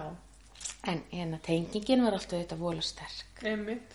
og ég veit ekki, ég hef ekki, þú veist, ég þakka oft fyrir Facebook Já. hvað hefði gerst ef ég hef ekki haft Facebook Já. já, það var margt sem var svo ólíkt en það var margt sem var svo rosalega líkt Já. þú veist líkt sko, við erum náttúrulega næsta landi hliðina Mm. og við komum frá Einmitt. og meir sér segja þeir það var nú eitt sem að ég, ég var nú vissi ekki hvort ég ætti að hlæja að gráta ég var eins og við vorum stödd í, í stóraðmöli hjá vinafólki okkar þessu vinafólki sé alltaf tala um og bróðir mannsins einn af þeim, hann á fjóra bræður einn af þeim kemur til minn elsti bróðurinn og segir við mig já, þú, Aldís, þú getur alveg bara vel átt ættingja hérna Já. í Sunnmöri Já. það fylgið sko, Möri Já. og Rómsdal eða Sunnmöri og ég alveg bara ha, get ég átt ættingja? Já, hérna vikingarnir þeir fóru allir frá Sunnmöri til Íslands. Já. þá, þú veist, þá erum við að tala sko, ég reyndar á Íslandingabók geti rakið mig til Ingóls Arnarssonar sko, Já, já. og til Leifi Eiríkssonar ef ég er að skipta en það, þú veist, þetta er orðið ansi útþynt þetta fólk kominga sko í kringum 870 Einmitt. og fram yfir árið þúsund sko, þannig að alveg rólega með skildleikinni kannski Já. orðin dóldi lítill sko. Já. En já, og svo var ég líka, fannst mér líka indislegt, ég manni því ég var í listnáminu að þá var uh, einn ein kennarin að hérna lesa Tyrkjagötu Mm. og hérna hún var að lesa bókina Já. Og ég segi við henni, ég er nú skild öllum á Íslandi, ég ætla að fara í Íslandingabók og, og hérna og, og aðtök hvort ég sé ekki í skildinu. Ég var svo, var svo örug með mig og rokkin með mig. Og ég fer í Íslandingabók og fer að fletta á engin skildleiki. Ég hef bara aldrei í því að ég var ekki engin skildleiki. Já. Þannig að ég fann, ég er við neina, já, ég er örgulega pottið skild mannin mennar. Hérna, Hallgrimur Pétursson. Já. Og það reyndist vera, sko. Já. En ekki hún. En mér, henni fannst þetta ótrúlega merkilegt henni efu. Þetta var fullorðin kona sem kendi mér listasögu í listnámi. Þannig að ég fór að googlaði náttúrulega sko Björk Guðmundsdóttir og það var auðvitað skildleiki og Já, já. einhverja svona sem að, einhverja íslenska karaktera sem hún vissi hver var, sko. Þeim fannst þetta merkilegt, þetta forrið. Já. Sem það er. Þetta er alveg einstakt. Það er einstak, en þetta væri náttúrulega ekki hægt nema því við erum einmitt svo fá. Einmitt. Algjörlega. Já, En nú ætla ég að fara alveg bara omvend, sko. já, já, já. Hérna, þú fórst í vikingarskip Já, og varst að þælast eitthvað. já. Ég sildi niður, ég sildi niður Amazon. Já. Ef ég er ekki búin að segja öllum heiminum frá því, ég var, mér, ég var nú sein, ég talaði um þetta í mörg ára eftir, ég örgulega alveg bara gert alla vitlis í kringum mig, með, þetta var náttúrulega rosalega mikil upplifin. Já, ég man bara þú fyrst í frí í skólanum og við vorum öll ótrúlega afbreyðsum og þú skildir fá, fá frí Já. í skólanum. Já, ekkert smá lengi, sko, ég fer út 10. apríl 1992 og ég man að þegar ég var beðið um þetta frí, þá er ég sko, 1992 er ég að vera 15 ára. Mhm. Sér það sko, sér þannig Karitas mína sem er 14 ára. Já. Ég hef verið ára eldri en hún. Já. Og þegar var verið að byggja um þetta frí, þá þurfti að fá sagt samþyggi frá mentamálaráðanætinu. Já, Af því þetta var svo langu tími. einmitt. Samt er þetta bara, þetta er svo apríl og mæ, þarna vorum við ekki í skólanum frem í júni eins og er já. En það fjagst með því að það var náttúrulega talið svo að ég myndi læra meira á því að, að vera á vikingarskipi heldur en í skóla sem Já. var náttúrulega algjörlega rétt metið. Já. Og ég þurfti að læra upp allar bækurnar Já. áður en ég fór þegar mann eftir að setja lengur í skólanum og lært upp alla íslensku ná eitthvað. Ég var ekki sendt heim með þetta manni. Nei. Ég satt með valgerði, kennaranum okkar Já. og ég á svona glefsur af minningum þar sem ég satt og, og hún greiði örugglega bara verið að vinna og, og ég var látið læra sko. Ykkur, ykkur tíma þarna undan. Já. En svo ég, fór ég náttúrulega út og ég man þegar ég kom heim þá rauk dönsku einhverju mín upp. Já. En þegar þá náttúrulega var, ég var náttúrulega bara með normunum um borð. Já. og sem töluði norsku og þannig að ég var farin að skilja miklu meira Já. heldur en, Í Norrlandu tungumálum. já, Já, og þið, hvað, sildu frá... ég sildi, ég kom um borð í Manaus.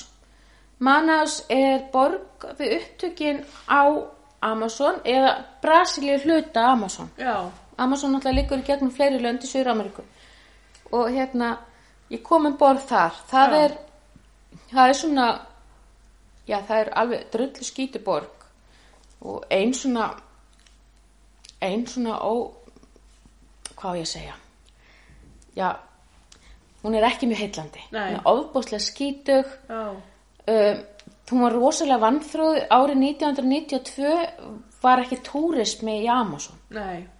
Það er náttúrulega öðruvísi, ég veit ekki, það er öðruvísi í dag. Já, já. En á þessum tíma þá voru indjánar náttúrulega sem að byggu inn í skóginum Já, já. og fullt af ættbálkum, það er náttúrulega miklu færi í dag. Og inn í þessari borg var fólk sem var náttúrulega kom úr frumskóðunum Já. og sem bjó inn í manna sko. Og þeir voru ofbóðslega uppteknir af mér. Ég gati eða ekki lappa út á götu. Ég hef náttúrulega svo ljóshærð Já. og, og bláið og, og, og skandinaviski útliti sem ég er auðvitað og, og þeir hafði ekki, margt, margt fólk hafði bara aldrei séð svona Já. ljósa manneski, Já. Bara hreinlega. Einmitt. Og í þessu, það, það voru, Evropabúur var kannski ekki að þværast inn í, nei, Manás, Nei. inn í mið Brasilíu, Einmitt. inn í frumskoðinu Já. á þessum tíma, sko. Einmitt. Þannig að það var ekki, þannig að ég var svolítið svona, ég man eftir að hafa fundist, ég, vera, ég var rosalega meðvötuð um að ég væri hvít Já. og ég væri litið öðruvísi út. Já. Ég hugsa mér að þannig hlítu, hlítu, hlítu fólki af að liði sem kom hinga til Íslands sem var mjög brún. Já. Það hlýtur að hafa upplifað sér svona einn á Íslandi af því að það voru ekki mjög margir litaður á Íslandi á þessum tíma Einmitt. og frekar en þarna Já. svona hvítir sko Einmitt. þannig að ég vakti ofsalega mikla aðtikli og ég man líka að hérna, ég er nú ekki hávaksin kona. Uh, ég næ ekki 1.60 ég, ég líði nú samt ef ég spurð ég sé 1.60 en ég, á góðum degi sagði einn læknir við mig og með miklum vilja það er mögulega hægt að segja þú sér 1.60 það þýðir 1.58 9 eitthvað sko. Já. En að, ég man eftir að fundist ég var ekki lágvaksin Já. af því að þau indjónir eru svo litlir Já. þannig að ég, ég var ekki lítil sko. Já. það fannst mér alveg uh, skemmtilegt ég man eftir að það fundist það mjög skemmtilegt og hérna hafa ekki ég upplifði mig ekki litla Já. en ég var endalust að, það var endalust verið að byggja mig um eiginhanda áritanis Já, ok. já ég var bara, þú veist, ég upplifði mig bara fræga sko Já. og þeir bygg báðum einhanda áritanir og sko tóku myndir af skipinu. Þetta var náttúrulega opaslega stór viðburður Já, já. fyrir brassana sko. Þeir fann, þeim fannst við mjög framandi og merkileg og ég hérna manna þegar við svo lögðum við að stað frá Manás ég kem að nú 10. apríl já eins og ég sagði. Og ég, við leggjum að stað frá við erum í, á hóteli við pappi nálagt uh, gæja skipinu. Við fórum á hótel við fórum í land. Þá vorum við, ekki um borð eftir fórum á hótel. Og við vorum á hóteli og ég man eftir að hérna, ég var að tampusta mig.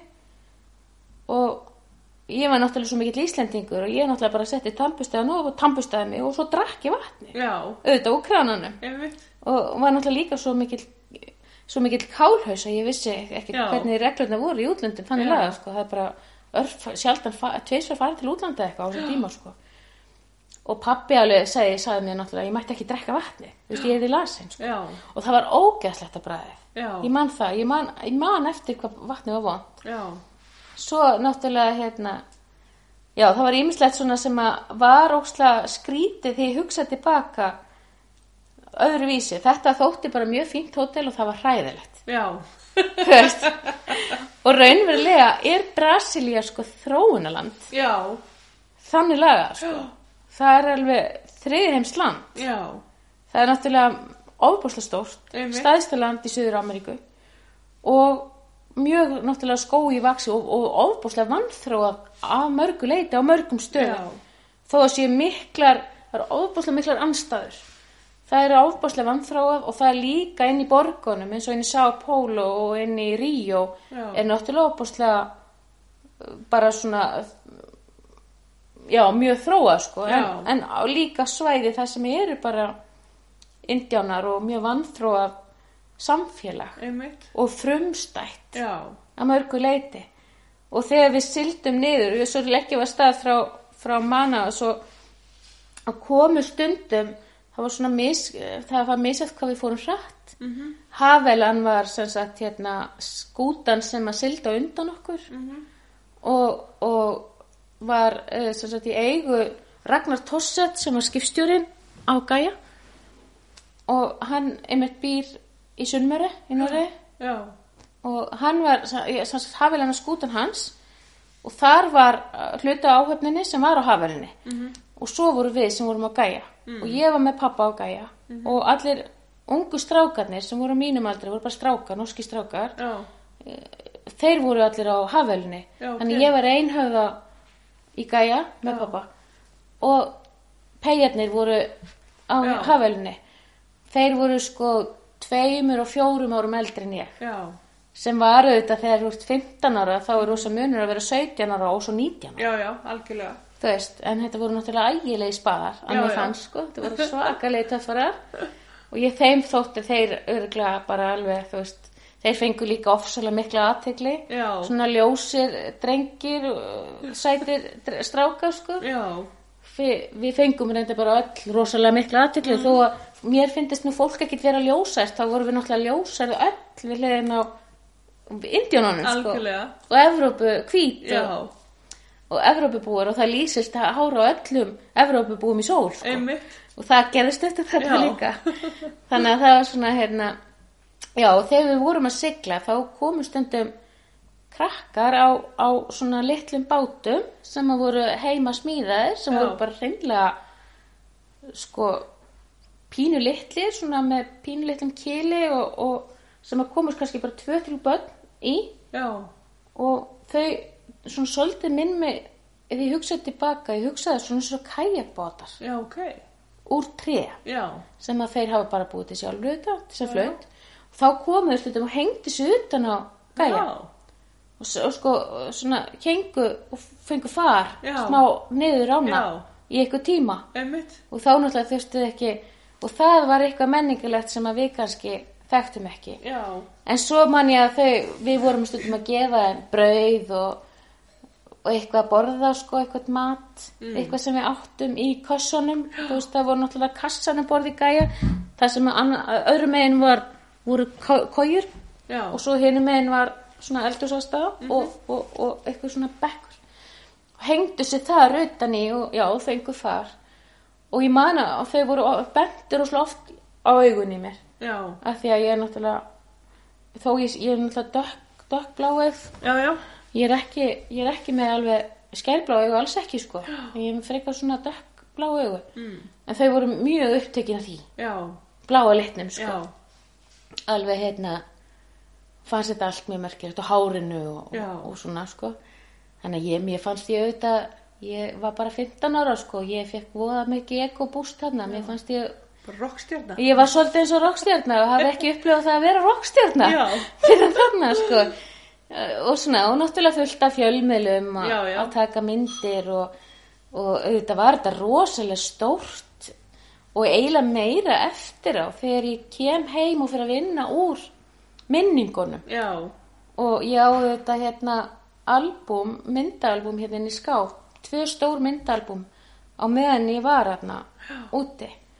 Og við, þegar við förum frá Amazon þá, nei við förum frá svo sagt hérna Manas, þá er næsta borg sem var stoppað í var Natal Mm. og Natal er alveg svakalega mikil glæpaborg Já, ok. og pappi hann þorði ekki með mér í land Já. Þannig að þegar allir krak krakkarnir, strákarnir fóru í land Já. og þá vorum við búin að vera sjóð þrjár vikur Einmitt. og ég var ekki búin að fara í bæði þrjár vikur Já. þá vil neita hann að fara í land með mig af því að þetta var svo mikið glæpaból Já. þannig að e, og þegar ég hugsa tilbaka mér fannst það náttúrulega 100 ára Já, já, algjörlega. en þá er hann bara sko hvað sé, hann er 23 ára meldur en ég hann hefur verið 37 ára Já. á þessum tíma Einmitt. mikið yngri en ég er í dag en mér fannst hann þetta bara gamall maður Já, já.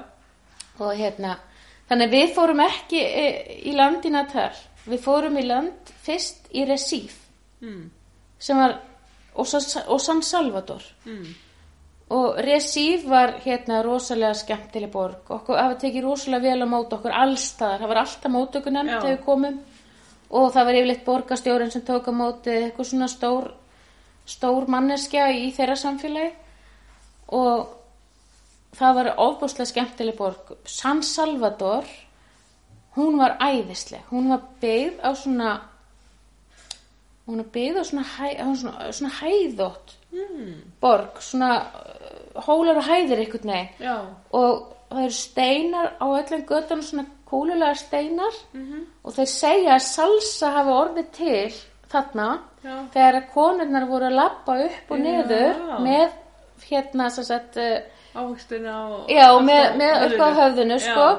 þá, þá þær fótunum svona á steinunum og þannig hafi þessi mjúku mjáðuma salsarheiminga Já. orðið til Já. Ég veit ekki hvort þetta er sannsögulegt. Þessa, þessa útgáðu fjekk ég hérna, manni, Já. sagði mér ykkur þegar við vorum í, í San Salvador.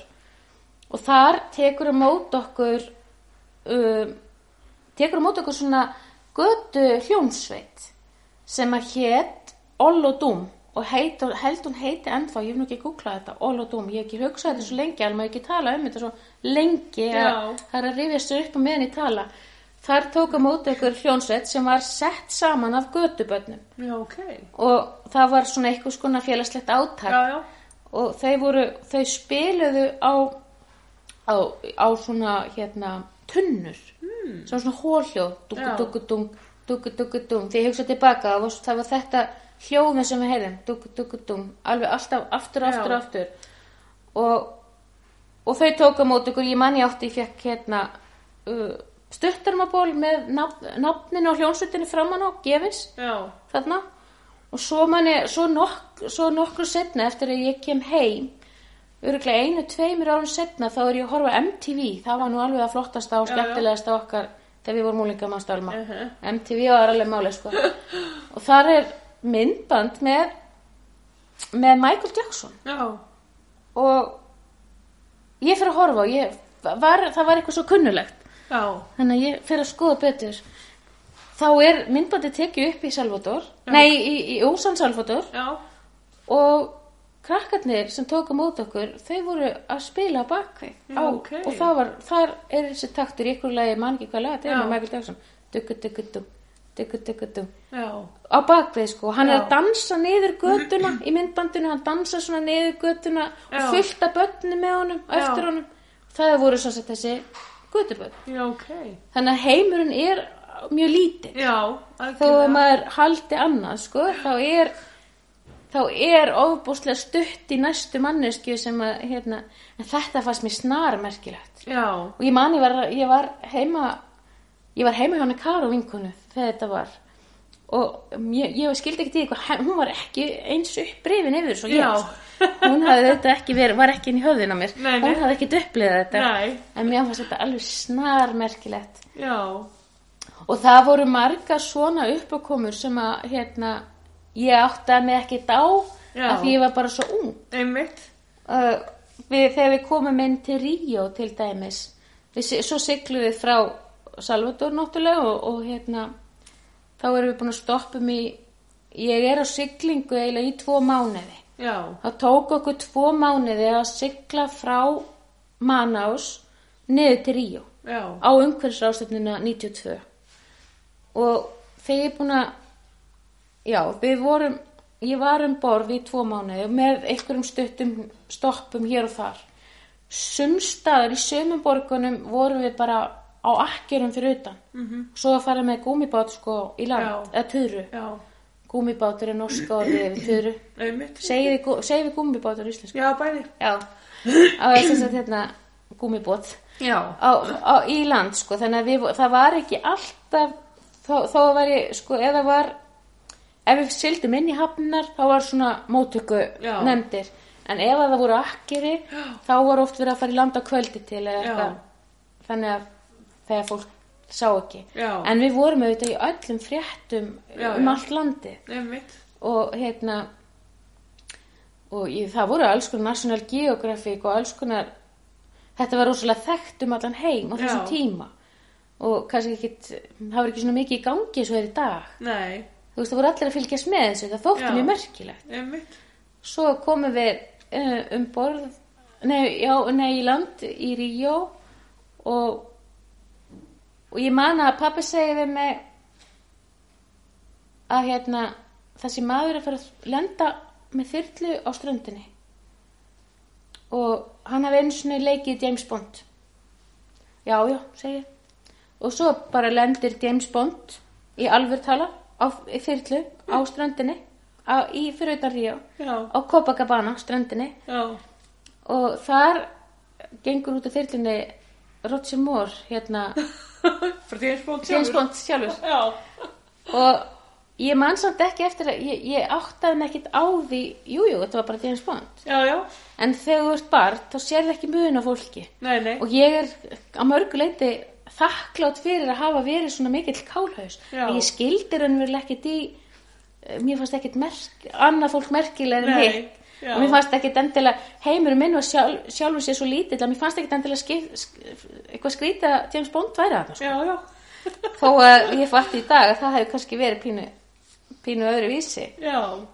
svo voru við, svo hérna er fó- fólk að já, já, emmitt kemur Vigdís Finnbóð, dóttir Auðumborð hún náttúrulega var komin til að vera á rástefnunni á samt þáverandi umhverfsráðherra, Eyði Guðna hann var umhverfsráðherra þá mm. Þau kom hérna um borð og, og það er alltaf ykkur kona að stelpa að reyna að tala við mig og ég áttaði mig á því að hún var nú aðeins eldri en ég, ekki mikið samt Mm. og ég man hún var bara í gallabuxum og, og eitthvað svona, svona hérna blómaskýrt og ég, ég, ég sé hann alveg fyrir mér þegar ég tala um þetta og hún talaði við mig og eitthvað svona og ég vissi svo sem ekkert hver hún var og var ekkert, ekkert að spurja nema hún segir hver ert þú? Já. Og ég segi henni það, ég heiti Aldís og ég er dóttir hans Gunnars og Benda pappa og, og þá segir og ég segi við hana, en þú? Já. þá segir hún, ég er norsk prinsessa og ég horfði á hana ha? já, ég er norsk prinsessa já, ok ok, segi ég bara og hérna og með minnur hún hafi sagst heita Marta Já. hún sagði það örgulega svo náttúrulega þegar ég flytti til Noregs þá segi ég þess, norsku vinkonum mínum að ég hef verið um borð í skipi og það hef verið norsk prinsessa Já. og sínaði myndina sem já, alvinni Já. og það er alveg, nei, nei, þetta er ekki Marta Louise, það er önnur sko. Já. og ég alveg nú, en þá er þessi, þessi konungsleggur, þessi norski, Já. þá er systir Haralds, konungs, hún er auðvitað prinsessa, Já. hún flutti til Brasilíu Já, og ok. bara dó fyrir nokkrum árum Já. og hennar fjölskylda og þau eru öll prinsar þetta, Já, prinsessa já. en hún var ekki embætti Nei. í Sem Oslo slík, já. sem slík sko eins Já. og, eins, og, eins og Martha Louise er til dæmis norska prinsessan Einmitt. sem allir þekkja Já. þannig hún var svona minna þekkt en hún var samt prinsessa Já, já. það er þekkt hana samt ekki norsku stelpu það meðan það er ótrúlegt en þetta var all, alveg rétt, hún var ekki Já. skrökkunni einu stelpun en svo man ég að þegar viti setti mig fyrst þá byrjar hún á því að tala við mig á norsku. Já. og ég, hvað ég var nexlið ég horfði bara á hana. Ég er íslensk sko. Hún alveg, já, já, ok fyrir gefu og ég held þú væri norsk, nei. Og hún bara, já, ok, hver á þig? Og ég alveg, ég dóttir hans og bendur pappa og ekki skánaða þá segir hann, það getur ekki verið, hann er svo ungur. Ég alveg, hann er ekki svo ungur Gamli kall. hann er 23 árum eldri en ég. Þetta er sko pappi minn. Já, já, ok. Og það, þú veist þetta, trúðu mér. Það var rosalega margt svona sem að já, og þarna og á þessu tíma þá var hægt að fá að fara um borð og sigla út fyrir höfnina í. Ríó. Þau voru að vera, vera að taka svona sem sagt, eh, svona heldra fólk. Já, já. svona fína fólki og fara og sigla með það. Og það var önnur kona um borð nema ykkur segir við mig sem var um borð í, sigling, í einnig svona siglingu og ykkur segir við mig ég held að þetta sé Bianca Djakkar sem var þá fyrirverandi kona Mick Djakkars og pappa alveg, já, ok og, ná myndaði með henni aldrei og, og hún er stoppuð nema á myndina fannst mér maður tróða sér inn á. Já. ég ætla náttúrulega bara að eiga að mynda mér og býja einhver djakkar. Ég man samt og ekki er ég nú stór kona svo ég kom nú aftur að því. En þessi Bianca djakkar, hún var bara svona hálf ég. Hún var pínu lítil og hún Já. var líka svo smá. Já. og hún var náttúrulega ekki með skandinavísku genin okkar þetta var bara pínu lítil suðræn kona. Hún sko hérna og ég var eins og tröllskessa við hliðina og ég var 15 ára krakki og inn á myndina sagt ég treði sér þessi maður. Og ég fyrir reyni hana. Jæja og svo er ég að horfa á fósettakostningarnar þegar að þegar að Bill Clinton er tekin inn í embætti á sínum tíma fyrir 100 ára og það var svona kvöldvaka. Og það var sínt frá því í sjóðurpinu og ég man eftir að hafa hort á sjóðurpinu og hugsa mér, hvað ég kannast þið kennirinn Já, ok. á, í, á, á sem sagt, þessu kvöldi. Já. Að ég fyrir niður og næ í myndalbúmi og þá var það þessi maður Já, ok. hann hafði verið að trúða sér inn á myndina að mér Já. fannst og ég komst að því að hann heitir, ég veit ekki til þess að hann sé dáin þessi maður James, James Edward Olmos og var lék í Miami Vice með opaslega svona ljóta grófa húð alveg svakalega bóluhúð Já. svona, og, og eitthvað svona sko söður, söðrætni útliti með, hérna, alltaf með yfirvara skegg Já. Svo sá ég nú um daginn á Facebook og kom eitthvað svona brandari, ekki hægt að setja filter á sjálfa þig, svo var mynd á honum og svo búið að setja filter eins og hann var alveg sléttur á neðri Já. Það var þessi gæi sko. Já. þannig að þá vissi ég, ég það var nú ekki betur inn í Hollywood heldur en það og að við, og ekki pappi heldur Nei, nei. að hafa ekki vita hvaða maður þetta var Ligguðu sagt, ævar eru til að fara af myndinu vinnur? Ég það munaði engu sko. ég hef örgulega þú veist, það er bara mjög ólíkt mér að hafa ekki gert það sko. ég veit ekki, það hefur eitthvað sagt mér að hann var svo örugur Já. að vera með á myndinu Já. að ég ætti nú kannski láta taka myndinu með hann Já. En ekki það, ég hafði eitthvað átt að með á því sko. Fyndið. þetta væri einhver frægur maður þannig að en hérna, já, það var að, já, annað svona tilefni þá var okkur bóðin í óperuhöllina í Ríó og ég átti engin fött nema gæja bóli, stuttunarbóli og stuppúsjós Mm. og var auðvitað ekkert að pjattast eftir á, náttúrulega hefði ykkur átt að senda hefði ykkur átt að fatta að ég hefði þurft að fara með fín fött. Við vorum náttúrulega endalist út að borða og pappi þurfti ofta að mæti jakkafötum og, og eitthvað. Nema hérna, ekki þarna. Ég, sagt, ég er eini gæjaból og stuppusum Já. og, og svo kemur bara all rise og það stiga all, standa allir upp og ég líka og ég man að pappi svona íti mig niður að láta mig setjast aftur að ég var svo illa til fara. Já. Þá standa konungsjónin við hliðina mér, sagt Sonja og Haraldur. Já, ok. og hérna og ég svona seig niður í sæti að ég var hérna. alls ekki við hæfi í þessu konungsbórnar partí sko. Þannig að það, var, það voru ímist tilhætni sem að hérna sem ég var svolítið svona lengi að vinna með út úr sko upplunum þú veist að því þegar þetta gerist þá ert ekki endilega að spá í Nei, þú ert bara í núinu Já, já. það er svona eftir á sem ég fór að hugsa hvað þetta var merkilegt sko. Já. Og þú varst yngstum borðið ekki? jú, jú, ég var langi og eina stelpa Eina stelpan og... Já, já. Þannig að þetta er alveg stórmerkilegt, sko. Já, já, og ég, hérna, ég átti ámæli, ég var 15 ára í þessari ferð, Já. ég átti 15 ára ámæli og í Suður Ameríku þá er 15 ára afmæli svolítið eins og ferming, Já, já. það er risa afmæli og það er sko leiðið salur og þú ferði svona prinsessu kjól og hérna, og ég man að við vorum hjá fólkis, hann var normaður, Otto Marta og hún var brasilísk og við vorum hjá þeim. Hann var svona maður sem hafi flust frá Norri neður til Ríó og efnast á ykkur ég man nú ekki hverju. Mm. var eitthvað svona alþjóðlega viðskipti ykkur, ykkur nýri Ríó. Og giftist þar eh, konu þaðan sko. Mm.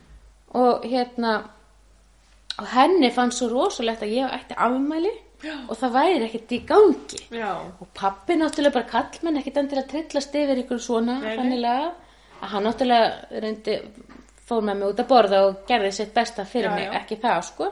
Nema hún lét baka köku þessi kona. Þegar ég var 15 ára.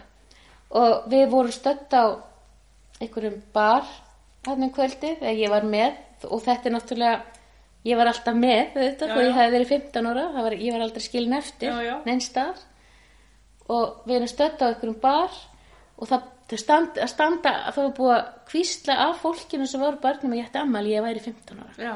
og það standa allir upp og, og syngja fyrir mig ammælisöngin á portugalsku Já. sem var ótrúlega merkileg upplifun. Alveg, mér fannst það alveg. Og hérna Frank sem var með mér að gæja, hann gaf mér varalit manni ég var nú ekki farin að ganga þá um með rauða varalitin sem ég hef gert síðustu 20 ár heldur var hann sko hérna skær bleikur og mér áður mann hann fannst það hræðileg kettlingalegur hann hann vildi ég myndi setja hann á mig Já. ég gat það ekki sko, ég gerði það ekki þetta var alveg hérna, en þetta var alveg stór stór sko stund fyrir þá Já. þeim fannst þeir alveg, hérna, þeir eru að gera eitthvað fyrir mig Já. að því ég var 15 ára. Já. Hvað? Quincinera eða Quincineta eða eitthvað. Já, þetta er eitthvað svona, Já, þetta er eitthvað, alveg, þetta er bara, já, ert eiginlega að koma skildi inn í fullorðismálum tölu eða eitthvað. Já. Þetta er svona já, rosa ceremonía, sko. já, ég upplýði þetta svolítið eins og þegar við femdum saman. Já. Það var svolítið svoleiðis, það var maður, var maður pín stór, Já. maður var fullorðin þegar maður femdist. Já. Og þetta var eiginlega svolítið, svolítið þannig, sko.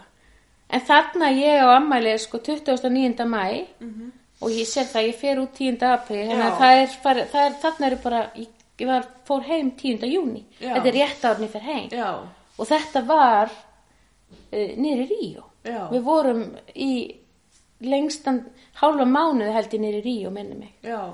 ég er ekki alveg klára tímalínunni sko, ég, og auðvitað hafa ykkur að ykkur misti ykkur minningar og eitthvað svona og, og svo við, víst, sko, er ég nýbúin að lesa það að maður heldur að maður getur stóla á minni sitt. Já, en þær geta breyst. Já, já, algjörlega, aðeins að þú veit það já, sko. já, aðeins að maður átti að því. Já. en ég, þetta er svo allavega í gróðum dráttum nokkur rétt hjá mér sko. Já, þetta er allavega eh, eftir mínum bestu minningum já, sem ég er að stiðast við. En þetta var mjög merkilegt og ég var rosalega lengi svo kom ég náttúrulega heim þarna í byrjun sumars 10. júni og, og náttúrulega líka pínu rockstjarnar heima. Já, já, náttúrulega búin að vera í, í alþjóða fréttum og, og, og, og ríkis sjóvarpu alltaf að Já. segja frá hvar við vorum og hvað Já. var í gangi og þannig að það höfðu allir fylst með einmitt, það, ég menna, Ómar og fréttum tók stórt opnu viðtal við mig þegar ég kom heim og hérna þannig að ég var svona ég var með blásið ekko þarna Já. á þessum tíma og, og, og uppleiði náttúrulega uppleiði mig ofsa merkilega sko. já, já, en það varstu mjög, já, mjög þetta, já, merkilegt. þetta er allt mjög merkilegt sko, en ég, hérna, já, já, ég var náttúrulega líka bara barn. Já, já, og heimsmyndin eins og ég segi vest, voru vestmanniðar sko. já, ég hafði ég hafði einu sinni farið til Danmörku skilur Já. og einu sinni til Bendorn já, annars hafði ég bara verið út í eigum eða í Reykjavík. Já, þannig að þetta er tveir mánuðir bara ævintýri já, algjörlega, geggjað. mm. Nei, það er bara magnað að- að pappiðin hafi bara tekið þessi ákvörðun að lifa að koma með, sko. já það var samt ekki alveg þannig. Nú, ok, nei, hann tók ekki það var svoleiðis að í upphafi þeir sigla náttúrulega frá uh, Noregi og þeir sigla til Ameríku með svona hérna undir flaggi sko barnasáttmála. Já, sem sagt hérna, þú veist að fátækra barna og, og hjálpa börnum og Já. eitthvað svona ykkur, ég held með þess að hafa bara verið UNICEF Hmm. hreinlega það var flaggi sem þeir sigla niður til Ameríku með Mm. og, og náttúrulega þegar, þegar þeir koma um borð í Washington já, þá uh, og í New York þá tekur að móti þeim í New York segi, þá tekur að móti þeim hérna uh, fósettin, Já. þáverandi George Bush, já, eldri tekur að móti þeim í, í New York og þetta er allt sannsagt í heimsfréttum sem, já, já, sem sko sigling undir flaggi uh, barnasáttmála og barna fátæktar og eitthvað svoleiðis. Svo þegar þeir flyt, fara frá Ameríku, Norður Ameríku og sigla niður til Suður Ameríku, þá sigla þeir undir fána sko, uh, sem sagt hérna, umhverfis fána. Já. Þá er skiptum flagg og þeir sigla undir umhverfisvend og náttúrulega umhverfis rástefnan er á þessum tíma var tala um að ósonlægi var bara hreinlega að hverfa. Já, já, það var bara gata á ósonlæginu og það var að hverfa og við myndum öll bara hérna kapna bara árið 2000 væri bara bara, að, það væri Já. bara, það var bara heimsenda spá. Já, algjörlega á þessum tíma og það var svona kannski byrjun á því að ég fekk ofbúslega mikinn áhuga á umhverfismálum um tíma. Já, og hef alveg ennþá. Það er svona kannski breytist þegar maður eignast börn og verður upptekinn að sínu en á þegar ég var yngri hafði ég opaslega mikinn áhuga á og sökti mig niður í alls konar kenningar um umhverfsmál Mm. svo náttúrulega breytist það og, og, og er sí brey, þú veist, kenningarna breytast líka. Já, já, það er ekki lengur gata á svona lænu nei, það hefur hérna jafnað sig og, og, og en auðvitað er eru sannlega mörg umhverfismál hræðileg sko. Algjörlega, og plastnótkunin og allt þá en fólk er miklu, miklu, miklu meðvitaðara já, og mér finnst eiginlega alveg sama við hvernig tala. Fólk almennt er meðvitað um þetta. Já, já, og það vill enginn vera sóði, það enginn mitt. vera umhverfisóði veist, það, það er, ég þekki ekki nokkra einustu manneski sem er að henda einhverju út úr gluggan á bílnu sínu þú sér þetta ekki dag. Þú veist, að fólk er miklu meira meðvita nema að e, það vant átt að vera fulltrúi barna frá hverju landi mm, í siglingunni. Og ég var fengin sem fulltrúi unglinga á Íslandi. Já, ok, í upphafi sko. Og ég átt að vera svona já, fulltrúi fyrir Ísland. Já, íslenska unglinga. Já, þess vegna er ég send út í upphafi. Já, en svo breytist það eitthvað. Og þegar ég kemur borð þá var það ekkert lengur. Nei, en auðvitað er þetta óendilega mikið lífsænsla sem að algjörlega, ég mun allt búa að- alla æfi einmitt, það er ekki, það hefur ekki ekkorki fyrir niður síðar nokkuð tíma neitt þessu líkt í mínu lífi gerst. Einmitt, þú veist, ekki svona. Já. og mun ekki gerast. Já. ég sé ekki, þú veist, ekki allavega mjög ólíklegt að eitthvað sambarileg einhver upplifun sambarileg þessari eigi eftir að einmitt, koma að gerast í lífinu sko, það er bara mjög ótrúlegt. Já, þannig að hérna ég veit að rosalega þakklátt fyrir þetta. Já, þess að tvo mánuði í Brasilíu Einmitt. 1992 já, og hérna það er já, það er óendilega dýrmætt sko. Og ég lærði auðvitað af þroskaðist og alls konar á þessu já, á þessu ferðalagi.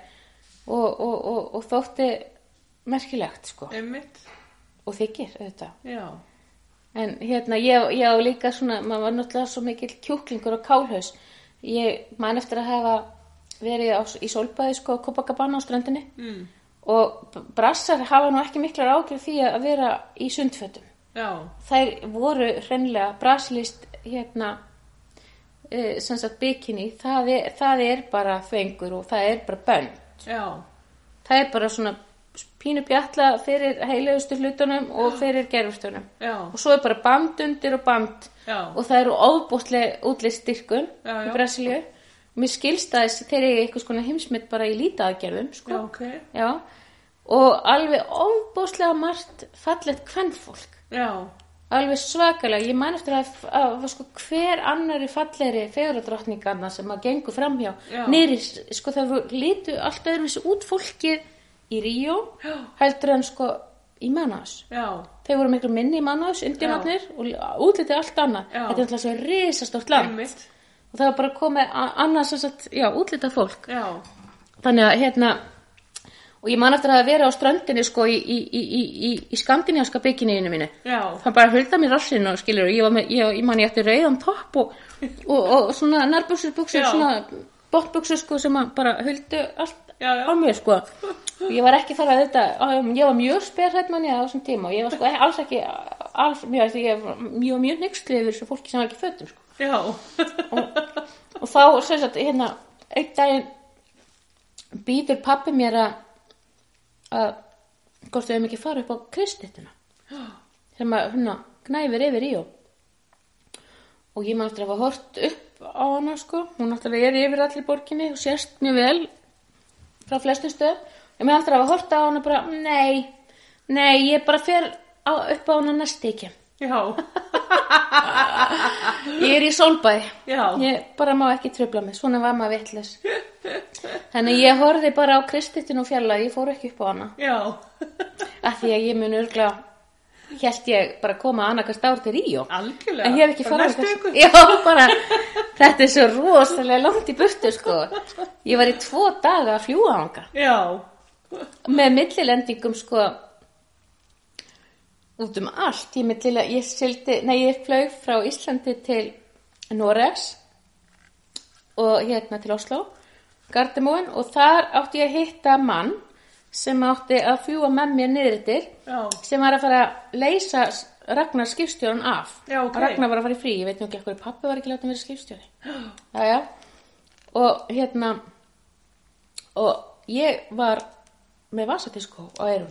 Já, og þá var nýkomin út hérna Actum Baby U2 já, plata og ég hafði keft með kassettuna já, þetta er svo gamalt, þetta er svo langt Ég síðan. ég var ekki einu sinni með geislaspilara nei, ég var með kassettæki þú veist, Já. vasadisk og Walkman sko. Já, og hérna og ég var bara með það á eyrunum. Og það var búið að kalla mig upp á ensku og norsku. Og það heldur þetta allir og það var að byrja að leita mér um á flugstöðinni. Já, ok. að badni já, 15 ára badni, stelpu sem væri að fljúa einn sko. Já, og ég heyrði ekki neitt. Þú veist, ég er bara að hlusta. Bara hlusta bónu og bara... Já, ég fann hluta bónu og bara í góðan fíling og þetta var náttúrulega geggja diskur sko en ég, ég hérna hlusta á niður alla Amazoni en það í dag. Þá verði ég bara komin í Amazon því ég heyri lög Já, af Actum Baby plötinni sko. En hérna það enda á því að það pekkar einhver starfsmæður í mig og þá erum við bara rétt næstu. Búin að missa vélinni. Annarkvort flugum við, ég man ekki hvort við flugum fyrst á London og svo á París. Já. veit ekki ekkur það var og þaðan svo niður þetta til Ríó. Og það var rosalega langt flug og það var í, í jumbovél í breiðfótu sko. Já, með fimm sæti í miðjunni og þrjú og Já, þrjú sikkur með, það voru tveir gangar. Já. og hérna ég hafði aldrei komið í svona flugvél. Og ekki síðan heldur. Hvorki finn ég síðar heldur en þarna. Og ég man eftir að hérna um borðið í þeirri vél var uh, var hérna matur og ofan á matnum var ólífa og ég hafði aldrei smakka ólífur. Já. og þetta lítur svo mjög gyrnilega út. En ég stingu upp með ólífinni og ég, mér fannst hún ógæðslega vond. Ég man ég að skýrt henni út hann um, í vélinni. Mannunum með hliðina á mér til mikill að mæðu því að sem þið þekkti mig auðvitað ekki neitt sko. Já. svona smá minningar sem að poppa upp þegar ég byrja að tala um þetta. Það var mín fyrstu kynna ólífum. Ég hef samt borðað það síðan, mér fannst það bara ógíslega fyrst þegar smakkar Já. já, svona smá minningar já, og svo fórum við til já, til hérna já, við vorum í tvo dag, svo lendum við í, þegar við lendum í Ríó, þá ótti náttúrulega eftir að fljúa yfir Amazon inn í Manaus Mm. það var innanlandsflug Já. en það var samt einhverja tvekja þryggja tíma flug Já. frá Ríó og, og í- lengst inn í landi Já. og inn í Manaus þannig að ég var já, ég var sagt búin að sofa í stólum og í flugvélum í tvo daga þegar ég loksins komst á leiðarenda Já. en ég hugsa að þetta sé nú eitthvað stittra í dag þetta er auðvitað ekki svona langt flug í dag sko ég veit það samt ekki Já. ég hérna, hef ekki En lærður ekkert norsku af þessum mönnum? jú, Já. ég gerði það nefnilega Já. ég aðeins að hafa ætlað mig það eða já. það endilega ég hérna hækkaði í nö- dönsku mástu Já. og jú, og ég svona gerði það og lengi eftir þegar ég hitti það þá töluði við mig á norsku mér fannst ég samt aldrei kunna norsku Nei. en það er auðvitað sko, þó þeim hafi fundist það Já. en hérna, en jú, jú ég skildi, ég skildi helling manni ég, hérna eins og bara er þannig innréttuð og ég tala ekki fyrir ég gat tala Já. ég tala ekki norsku fyrir ég gat tala norsku Já. og þá enda ég á ég að kenna norsku þetta er Það svolítið getur svona. alla leið. Það er yfirleitt bara svoleiðis hjá mér. Annarkur gerir ég þetta ekki, Já. eða alveg rosalíkt, sko. Það er allt eða ekkert. Algjörlega, sko. Já. En, já, en ég maður svo fór ég tilbaka, náttúrulega, frá... Pappi fór ekki með mig tilbaka. Hann nefnilega... Hann ætlaði að sigla gæja upp eftir aftur Já, ok. og hérna átti að fá eitthvað fá, fá, átti að fá eitthvað sérstaklega borga fyrir það en svo held ég að hafa nokkið orðið úr því að hann sildi, hann sett hann örugglega bara fraktaðinni með gámum. Minnir það, Gæja er á sa- að safni í Noregi og er til í dag Já, sko. ég hef ekki séð hana síðan samt. en ég hef ekki fór aldrei að skoða í safni sem hún er á. Mann ekki eins og hvað hún er, hún er eitthvað stærri í Noregi. Já. og á heimleiðinni þá hérna áttu þeir að fylgja mér áttu þeir að fylgja mér strákarnir sem voru leiðin til Noregs Mm. til annarkvort London eða Parísar og þaðan átti ég að fara eini flug til Íslands Já. og við erum á flugullinum nema að ég missa vélinni til Íslands Já, ok. frá París Já. það eru de Gaulle, við lendum á de Gaulle og ég missa vélinni það er bara löng röð og þegar kemur á mér þá er vélinn farin Úf. og það var bara tjekkinni var ekki nógu langt eða sko, ekki nógu vel og nema strákarnir þeir segja við mig að við eigum að overnatta. Mm. eða sko vera yfir nótt í, í svo sagt hérna líka. Og, og þeir fara. Nei já það var svoleiðis, þeir fara áður en að koma að mér í tjekkin, þeir heldur ég væri bara að fara til Íslands. já, en þeir segja svo. mér, já þeir held að, held að þannig að þeir segja mér að þeir ætli eigi að overnatta að gista eina nótt inn í inn í París, ekki á sko flughótelinu Já. Og áttu svo að fara til til Oslo daginn eftir. Já. og, þarna stend ég ein og þeir höfðu sko pappi hefði látt mig hafa 100 dollara til þess að fara með til Íslands ef eitthvað kemur upp á. Og þeir voru auðvitað bara góðir sko. Og ég einhvern veginn enda á að borga alla matin sem við borðum og ég var náttúrulega svo mikið kjúklingur. og ég einhvern veginn bara borga og nota alla matin og ég man ég kefti mér mikka mús úr á, af því að það var sko uh, sem sagt hérna Euro Disney Já. í, í já. Fraklandi og það var allt í manni mikka mús dóti Já, á fljóðallinu ég kefti mér mikka mús úr sem ég var alveg bara fílitt lengi með Já. svo týndi ég, ég man ekki hvað var um það en alltaf gatt keft það og borga allt fyrir þá Já. og þeir náttúrulega bara fengu sér bjór og barnum og alls konar og, Já. Aldís borgaði. og aldís borgaði sko þannig að þegar kemur að mér í tjekkinu þá er ég ekki með neitt pening. Mm. og ég er náttúrulega uh, mænor Já, mert sem Einmitt. sko á, á sem sagt farselinu já, þannig að hérna og ég er alveg að fara að grænja manni og, þar kemur einhver kona og segir við mig og alveg bara hérna og, og hver er og, þú veist hver er með þér? Og ég segi ég er ein, og það er náttúrulega bara fullorði fólk að vinna þarna. Þannig að það segir sýnir mér ein kona ég átti að elda ein hana konu og hún fer með mig og næri eitthvað mat handa mér Já, og gefur mér. Og sýnir mér svo eitthvað flugvallarhótel sem ég átti að vera á sko. Og í lobbyinu er er hérna er ykkur ungur strákur að vinna eða ungur, eða samt eldri en við Já, já. svona kannski en tvítugt. Og ég er náttúrulega geggjaðslega einmanna og, og, og, hérna og, og, og bara hrætt ég, algjörlega. og alein. Einmitt. Þannig að ég fyrir að gaf mig á tal við hennar mann í lobbyinu og hérna hann spjallar heil mikið við mig, ég man hann sagði að mér væri frá Pakistan, hann var hérna fluttur, eða þú veist, innflytandi í París.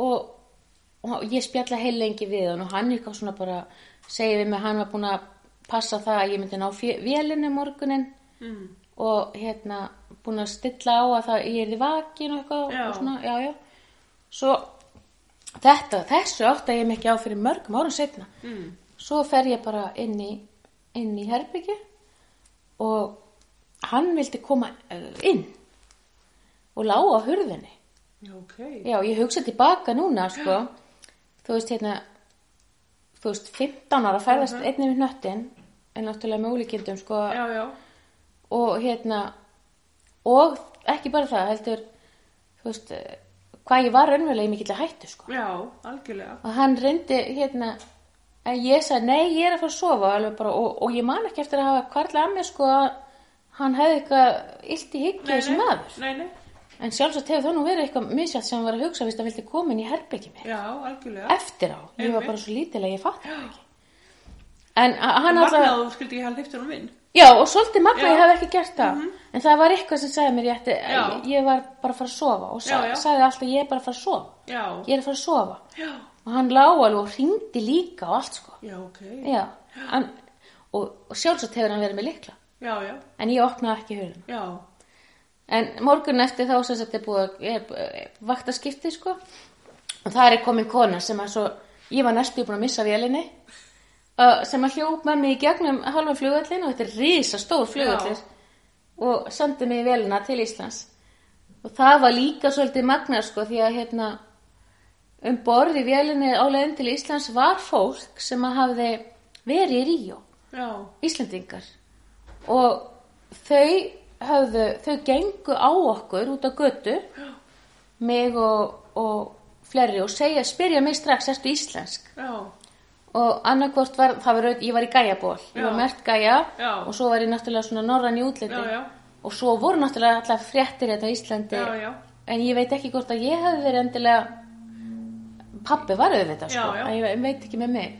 En alltaf þekkti þessi kona sá ég var íslensk og gengur Já. á mig. Og svo í vélinni er hún á, þau líka á leiðin til Íslands. Þannig að hún lætur flugfreyjun að vita og flugfreyjun lætur flugstjóran vita. Já. og það er tilkynnt í kallkerfinu að ég einna úr Já, um borði ok. í vélinni. Æ, krúptað, Já. ég vel gert og ég mani að ég var svo ógeðslega feimin að ég, hérna, ég, ég, ég sökk alveg neyri sætið sko, ég var alveg bara og alveg allt og mikil aðtegli sko, fyrir svona krakka. Ég var alveg dó alveg bara en eða, já, þetta var alveg þetta var rosalegt æfintýri, Mm. allt saman og ég var alveg lengi að lenda eftir þetta ég var Já. alveg, ég lifði mjög lengi á þessu já, mörg, mörg ár einmitt, og ennþá í dag algjörlega. já, En út úr þessu og yfir í allt annað. já, Hvað hérna, ertu prakkari? já, já ég er það alveg Hvað er stæðista prakkarastriki sem þú hafa gert? ú hvernig þá? Bara, Uh. ég þarf hans að hugsa ég get verið ég er rosalega sko ég er rosalega mikla anstæður í mér. Mm. Það er rosalega miklar anstæður, ég er rosalega, ég, ég er nýbúin að fá útskýring á þessu sko. Ég er nýkomin úr greiningu með aftíðhátti greiningu í sumar og ég er svolítið svona að vinna mig í gegnum það. Ég er að lesa mig til. Ég þetta var með búin að gruna nokkuð lengi ég væri með Mm. þetta sko. Ég, það var eitthvað, ég bara vissi ekki alveg hvað það var. En svo kom náttúrulega alveg hérna, skýring á þessu allir saman sko.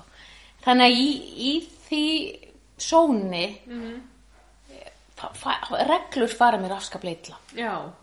Ég, hérna, þú veist, ég nenn ekkit endilega fara eftir reglum sem er ekki gott í Nóri því þeir elska reglur í Nóri. Já.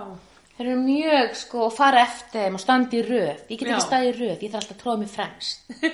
Skilur Eða ég, hérna, það er einnstefnu gata og það er bara, bara pínliti gata að ég þá bara keiri hann upp, sko. Það er svona, skilur Og Baldvin er svo þvert á móti að því hann er sko frekar, hérna, hann er ofbúslega reglu pési. Já. Hann er ástæð fyrir að vera um hjón, sko. og hérna, hann átti fyrst mjög erfitt með þetta, þú veist, ég er alveg típa sem stel úr nammi barnum. Já, ok. þó ég sé að verða á 50 og þegar drauknindan er mjög líka pappa sínum þegar hann var á kassanum þegar ég var búin að kannski tróða upp með nammi og nammi barnum í búðum í Noregi þá sagði drauknindan kannski við kassakonuna mamma mín var að stela úr nammi barnum. Og ég alltaf eins og drullaði þetta. Fólki fló bara Það, þú veist, en hann þurfti alltaf að segja frá Já. hann var svo samvinsku Já. og svo hann er rosalega reglumæður sko og þarf að hafa ábúr hann mjög líkur pappa sínum, við mægur erum mjög líkar í okkur en að ég á alveg fullt af svona allskunar sko, Já. ég er ekkit góð í þessu og hérna ég er ekki góð í að fara eftir reglum og ég er ekki góð í að ég er ekki heldur endilega alltaf góð í að fara eftir samfélagsreglum heldur Nei. sko og hérna ég er vo- svolítið svona ólíkinda tól Já. Ég er það og ég hef þvælst svolítið fyrir mér. Og gert mér erfitt fyrir sko. Já. Ég hef gert það, ég hef hérna uh, átti alls konar samskipta vesinni af því ég, ég get ekki alltaf lesið salin, lesi ekki alltaf salin, Já. segi eitthvað sem er kannski óvinnsælt, án þess að pæla í því. Ég er nú aðeins farin að hérna, geta að stoppa mig af svona í setni tíð og þarf ekki að segja allt sem ég finnst. Já.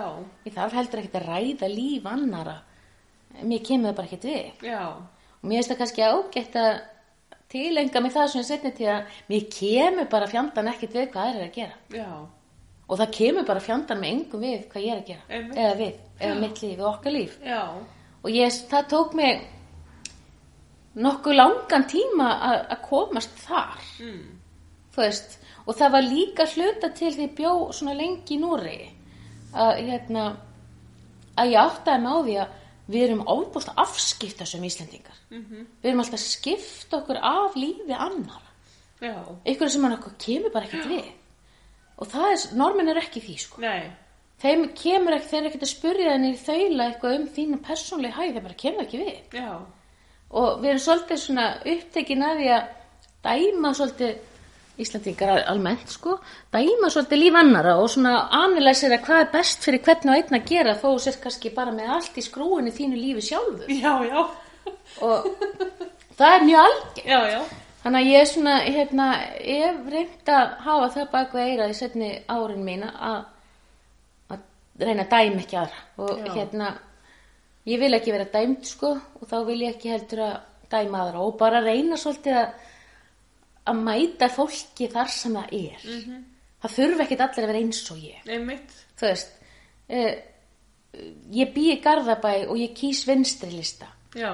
það er rosalega, það er rosalega einkennandi þetta er rosalega einkennandi fyrir mig Já. það, það er bara, ég er bara svona típa ég nenn ekki að láta tróða mér í kassa ég Einmitt. nenn ekki að vera í ykkur boksi Já. alls ekki og hérna ég og mér leiðist svona að sé, tróða fólk í boks fólk, maður veit aldrei hvaðan fólk er að koma Einmitt. þú veist ekkit hvaðan fólk er að koma það kemur ykkur á ókslega slæma dag og hraunar ykkur yfir þig kannski bara, þú veist, hérna á þessi, býr þessi við Já, þú veist ekkit hvaðan fólk kemur Einmitt. þannig að mér finnst þessi hugsun svona hafa svolítið í setni til geta hjálpa mér og taka bara ekkit öðru fólki persónlega. Þú veist, ef fólk er með eitthvað leiðindi þá er það bara yfirleitt af því því líður ekki vel sjálfur sko. Já, já. Algjörlega. þetta er ekki flóknara Einmitt. þú veist, þannig að ég er svolítið að reyna að kenna börnunum mínu það sko að hérna ef ykkur er með ykkur yfirlýsingar um þig eða eitthvað þá er það bara yfirleitt eitthvað Mm. sem þeir eru að díla við eða eru ósáttu við í sínu lífi sko. Einmitt. mér finnst það svona já, mér finnst ágætt að að tilenga með það, að reyna Já. það allavega Já. En hérna, hvað gerir þú til gamans? Ég gerir mér margt til gamans. Ég, mér finnst óbúslega, ég farin að hugsa betur um mig mm. setni til. Ég hérna, hef reynd að sína mér meiri mildi. Ég gætt verið mjög hörð, hörð við sjálfa mig og dæmt sjálfa mig mikið og verið með mikið niður ef hérna, innra með mér. Og það var líka bara því ég skildi ekki alltaf af hverju uh, ég var í svona aðstæðan sem ég var í. Ég átti, skildi ekki að ég háti sko heldur. Ég skildi ekki af hverju hérna hugsaði hvað skildi bara vera af mér, hugsaði ég oft og svo bara hristi ég það af mér. Já. En ég vissi einhvern veginn alltaf að það væri eitthvað, ekki, eitthvað sem ekki funkaraði. Man oft eftir að hafa verið köllu kannski bara pínu skrítin, oft verið köllu skrítin, mm. jafnvel bara eitthvað andlega aða einhverjum hann að búljum heim í eigum sko. Já, ok. Já, já, alls konar, að því, að því var, passa ekki í box, Já. að því að fólk vill alltaf setja þig í box Já. og ég passa, að þegar þú passar ekki í bóksið þá, og sem að er rosalega algengt með listamenn og listamenn eru 99% með ADHD Mhm. sem að útskýr ofsalega þessar miklu anstæður sem að ég hef einkynna mig Já. mikið þannig að hver var spurningin? ég man það ekki Það var, hvað gerir til gamans? Já, hvað gerir þetta til gaman? Þannig fór ég alveg út um allt, sko. Sjá þetta, þetta er ekta. Til gamans, ég er, ég er í Pilates uh, í sporthúsinu. Mér finnst það geðvegt. Mm. Það er tvisar í viku í heitum sal og það er slögt ljósin Mm. og þá tegi ég mig og toga. Ég hugsa, ég er að reyna að hugsa betur um mig, líkamann minn, Mm. uh, til þess að stípna ekki upp. Ég fekk brjóskloss því ég karta svo lítil sem hefur alltaf svolítið eld mig. Það hefur, ég hef ekki farið aðgerð en það er alltaf þarna og það er nú eitthvað gengið tilbaka en það er samt ennþá Já, já. og þannig ég er svona ef ég ger ekkert þá styrna ég allir upp þannig ég er í Pilates ég gerir það og til gamans við höfum farið gengið svolítið við hjónin ekki dandilega reglulega en svona eitthvað, við gengum í sumar fimmverðahálsin það var reyndar upplifun þar sem að ég hórgrenjaði ég var svo loftrætt Uh, ég mæli ekki með fimmverðaháls fyrir loftrætta Nei, þú varst með rauða sagt. varalit. Já, allan tíman. Ég fór yfir fimmverðaháls með rauðan var. Það var bara þannig. Og Gucci tösku. Sem eru líka amstæðinar. Hver fer ekki með rauðan varlit og Gucci tösku í fimmverðaháls? Ég. Og var bara glöð. Og hérna, og uh, við gengum þá, við gengum fyrir norðan, hérna, uh, svolítið kringum Akureyri, ég man ekki núna, Nitur, hvað hér tjörnin sem við gengum upp á upp á fjallinu? Ni- Nikur, nitur, það það er orð yfir, íslenskt orð sem ég hef ekki heyrt áður, yfir sæskrimsli. Já, ok. Nitur tjörn, nikur, nitur, manna ekki. Já. Þar upp á löpuðu við, það var ykkur 14-15 kilometra túr, það var æðislegt, fengum alls konar veður, ég reyndar fekk alveg svakalega annað hnið á niðurleginni, það er eitthvað svona aldurstengt atriði, þannig að við gerum það okkur til gamans, Mm. um, um, við höfum, við okkur finnst óbúslega gott að fara út að borða á gaman í góðra vinn hópi, Já.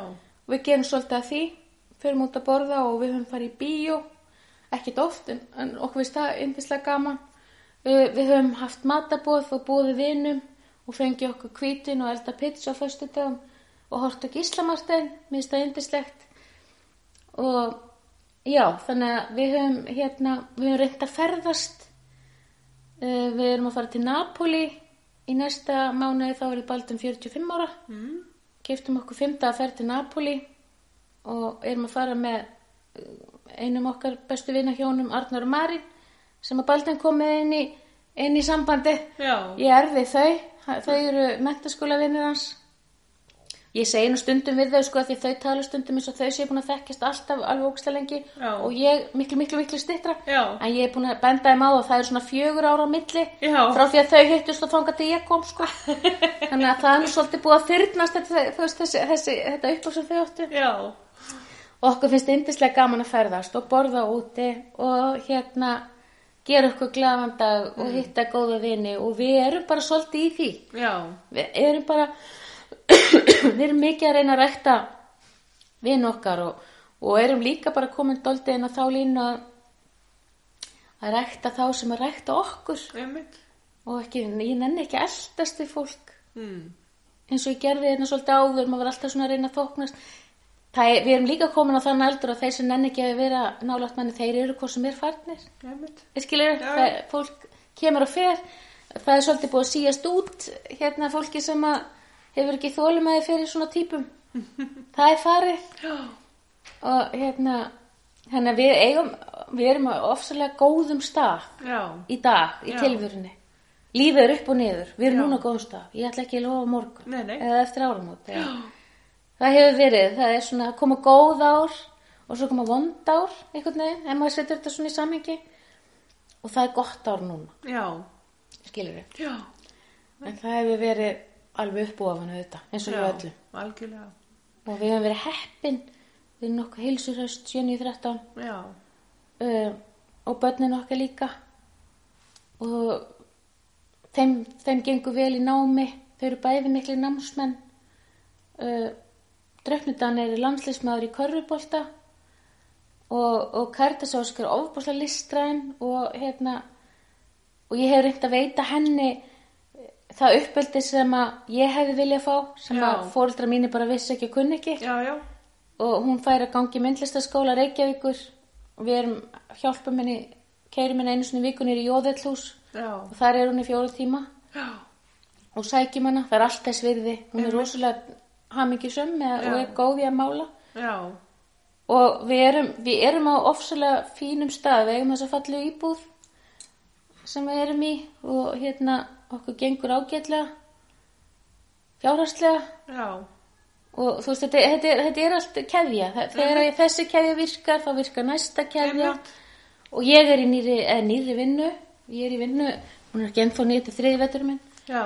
ég kenni í Snælandsskóla í tíundabæk ég er tíundabæk kennari og ég er endar kenni ennsku núna ég er nú kent allt á milli heimis og jarðar Mm. núna kenni ég ennsku, ég er aðal ennsku kennaran í úlingadeild Já. og ég er ofbúslega ánægð í vinnunni svolítið bara eins og því ég var í framháskólum heim í eigin mér er svolítið svoleiðis tilfinning Já. ég er mjög hamingjusum þar og vinn með það er nú tvær stelpur í eigum sem vinna með mér það er hún Guðlaug Gísla og hún Rannveig Haralds Já, ok. Já, þær eru að vinna þetta líka Já. og já, þannig að þetta, það virkar og ég glöð í vinnunni, þá er ég glöð þetta er allt saman, Já. það tengist allt saman Einmitt.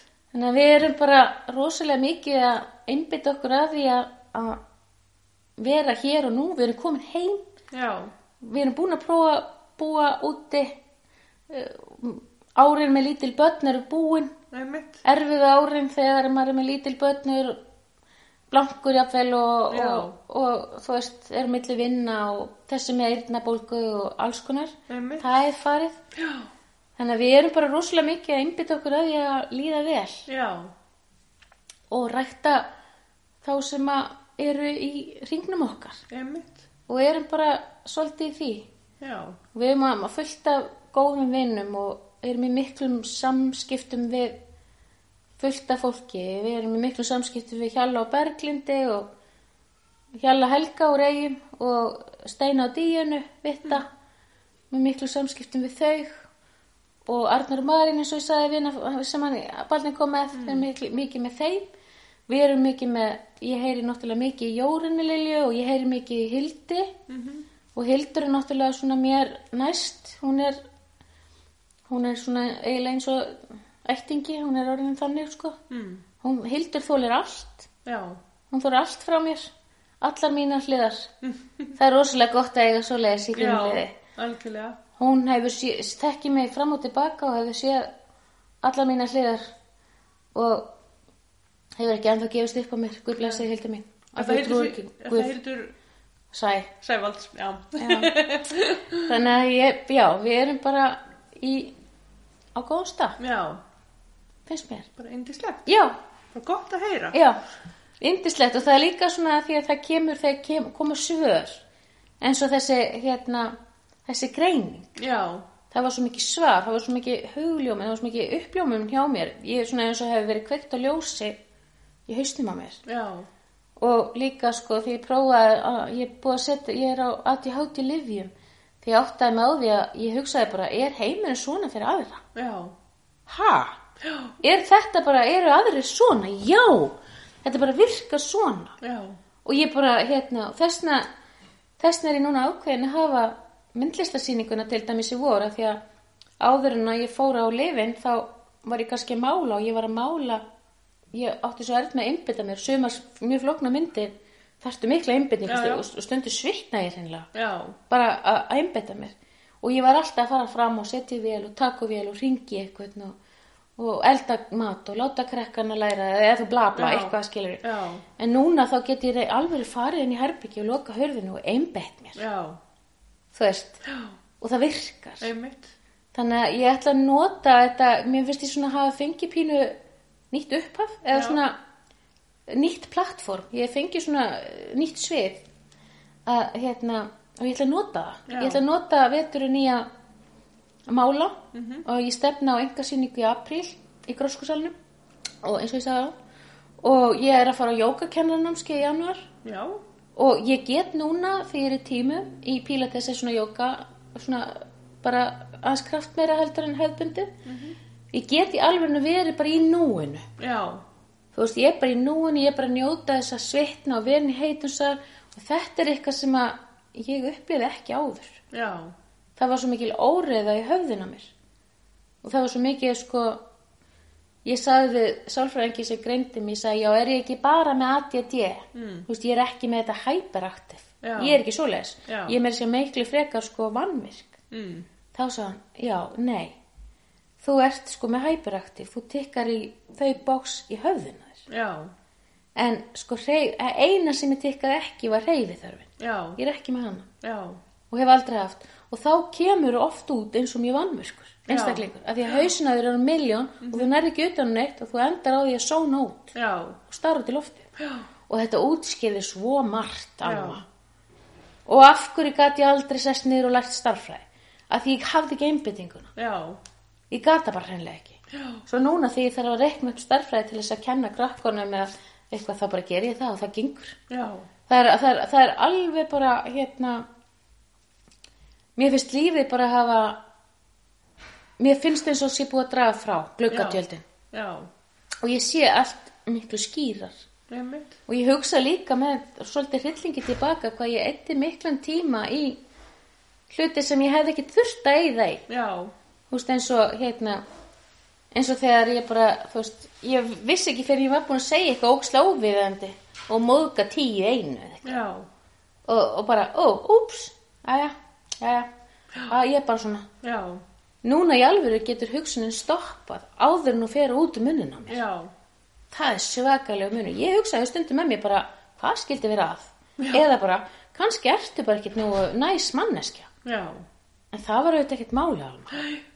Þú veist, ég skil það núna. já, já, vantaði bara svolítið filterinn og... Það vantaði bara filter. Og, og róin í Ró, hugann. það vantaði Já. róna og filterinn og, og hérna, og fókusin. Já, þess var ég út um allt og þess var ég upp um allt og þess vegna, hérna, þú veist, náði ég ekki, neina, þú veist, náði ekki fótfestu að ég var sífælt að, að að rugga bátnum, sko, og, og, og labba utan í kassana og, og hérna, og, og móðga fólk en, þú veist, sem, kannski það allt í lægi líka. Það Já. fólk er allavega ekki fyrir mér í dag.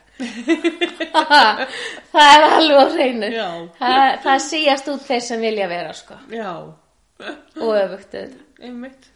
En takk bara kærlega fyrir að bjóða mér inn heimtíðin Já. í fallu íbúðin ykkar. Ó, takk elskar. Búin að fá kíkin í öll herbyggi og... Já.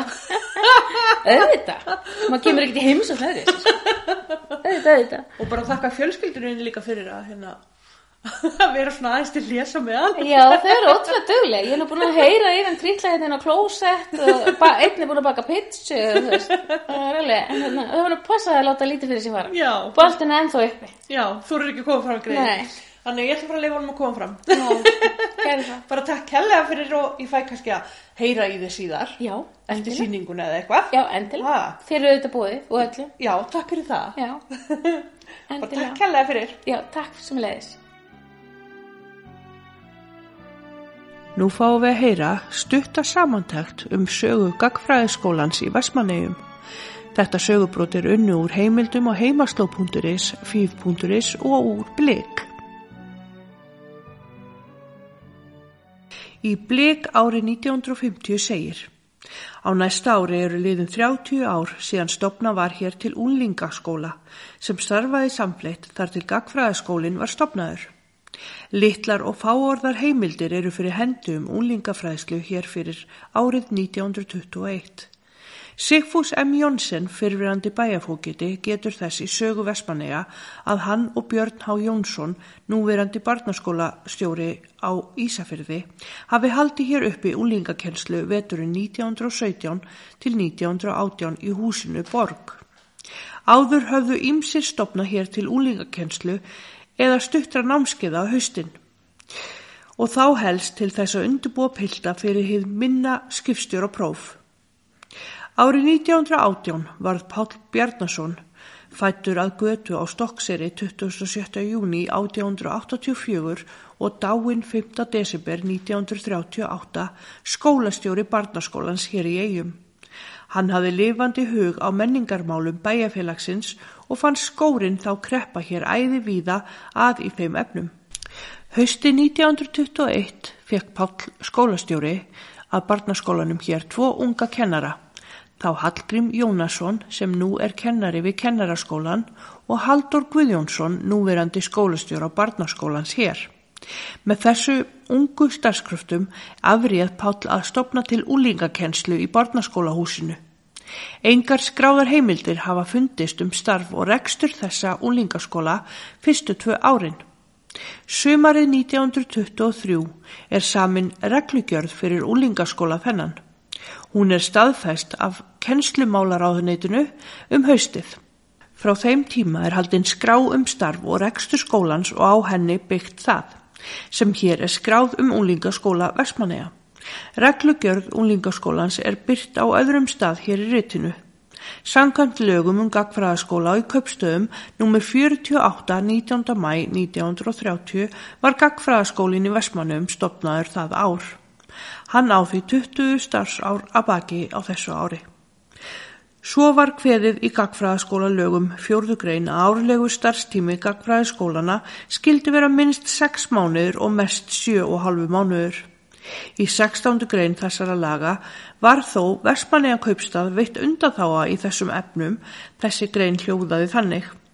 Í reglugjörð fyrir gagfræðaskóla í Vestmannejum má ákveða að námstíminn sé skemmri en 6 mánuðir árlega, en þó skulu próf þaðan vera hinn sömu og við aðra gagfræðaskóla, enda sé samanlagur kennslutími til prófs þar jafn langur og í öðrum hliðstæðum skólum.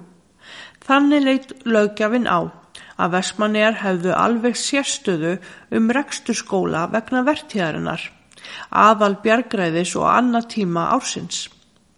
Það var ekki að ófyrir sinju að þessi ákvæði voru sett í gagfræðiskólalögin.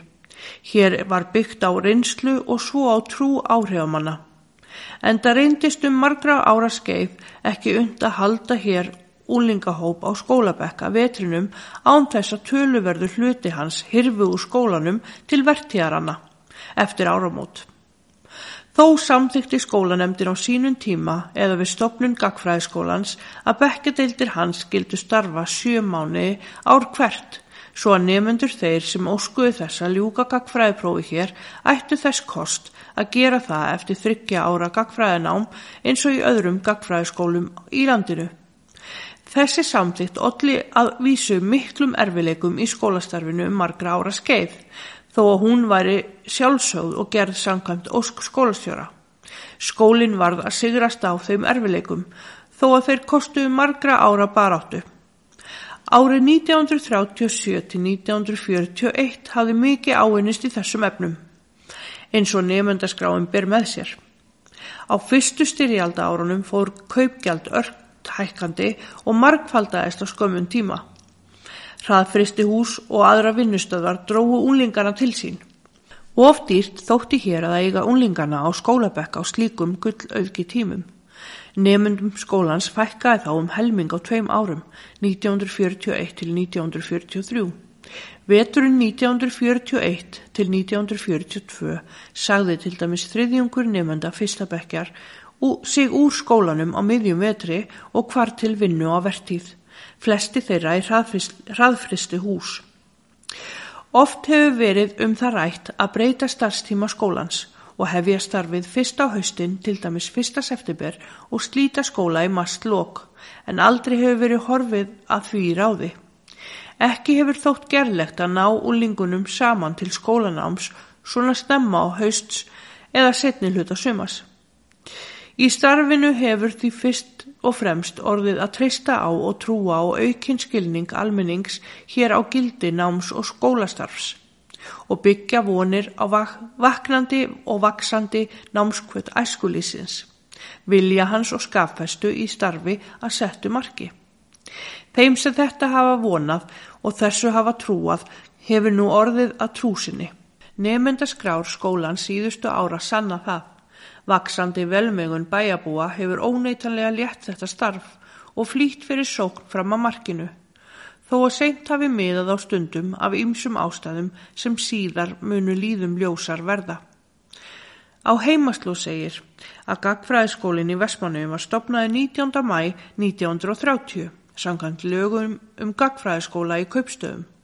Hinn 24. april 1946 samþykti meiri hluti bæjarstjórnar Vestmanneja 150.000 króna farmlag úr bæjarsjóði til byggingar uh, gagfræðiskóla í Vestmannejum.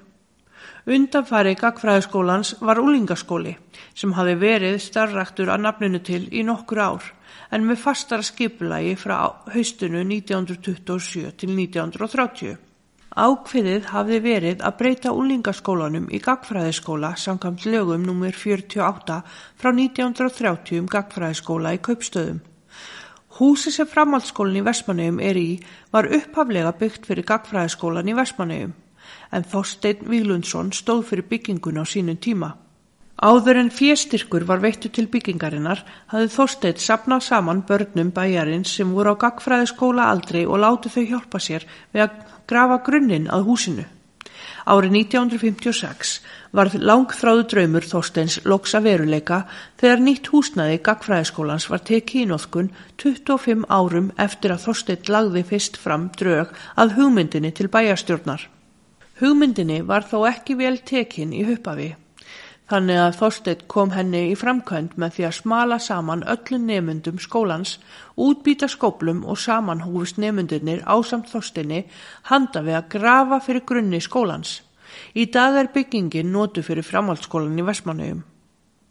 Framhaldsskólinn í Vestmannum er skóli á framhaldsskólastígi sem tók fórmlega til starfa hausti 1979 við samruna Vélskólans í Vestmannum, Yðskólans í Vestmannum og framhaldsdeilda Gagfræðiskólans í Vestmannum. Í upphafi árs 1997 tók svo framhaldsskólinn yfir rekstur stýrimannaskólans í Vestmannum. Í upphafi heyrðu eldstu bekkir grunnskólans undir framhaldsskólan var þá sami skólamistari yfir framhaldsskólanum og gagfræðiskólanum og sumir kennarar kendu á báðum skólastegunum. Nefndafjöldi fyrsta árið var 85 nefndur. Þeim fjölgaði fram til ásins 1997 að nefndafjöldi náði 300.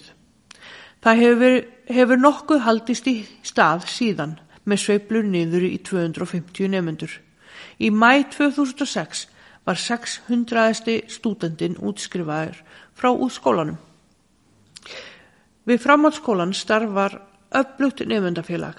Það heiti nefndafélag framhaldsskólans í Vestmannegum, skamstafað NFFIVAF.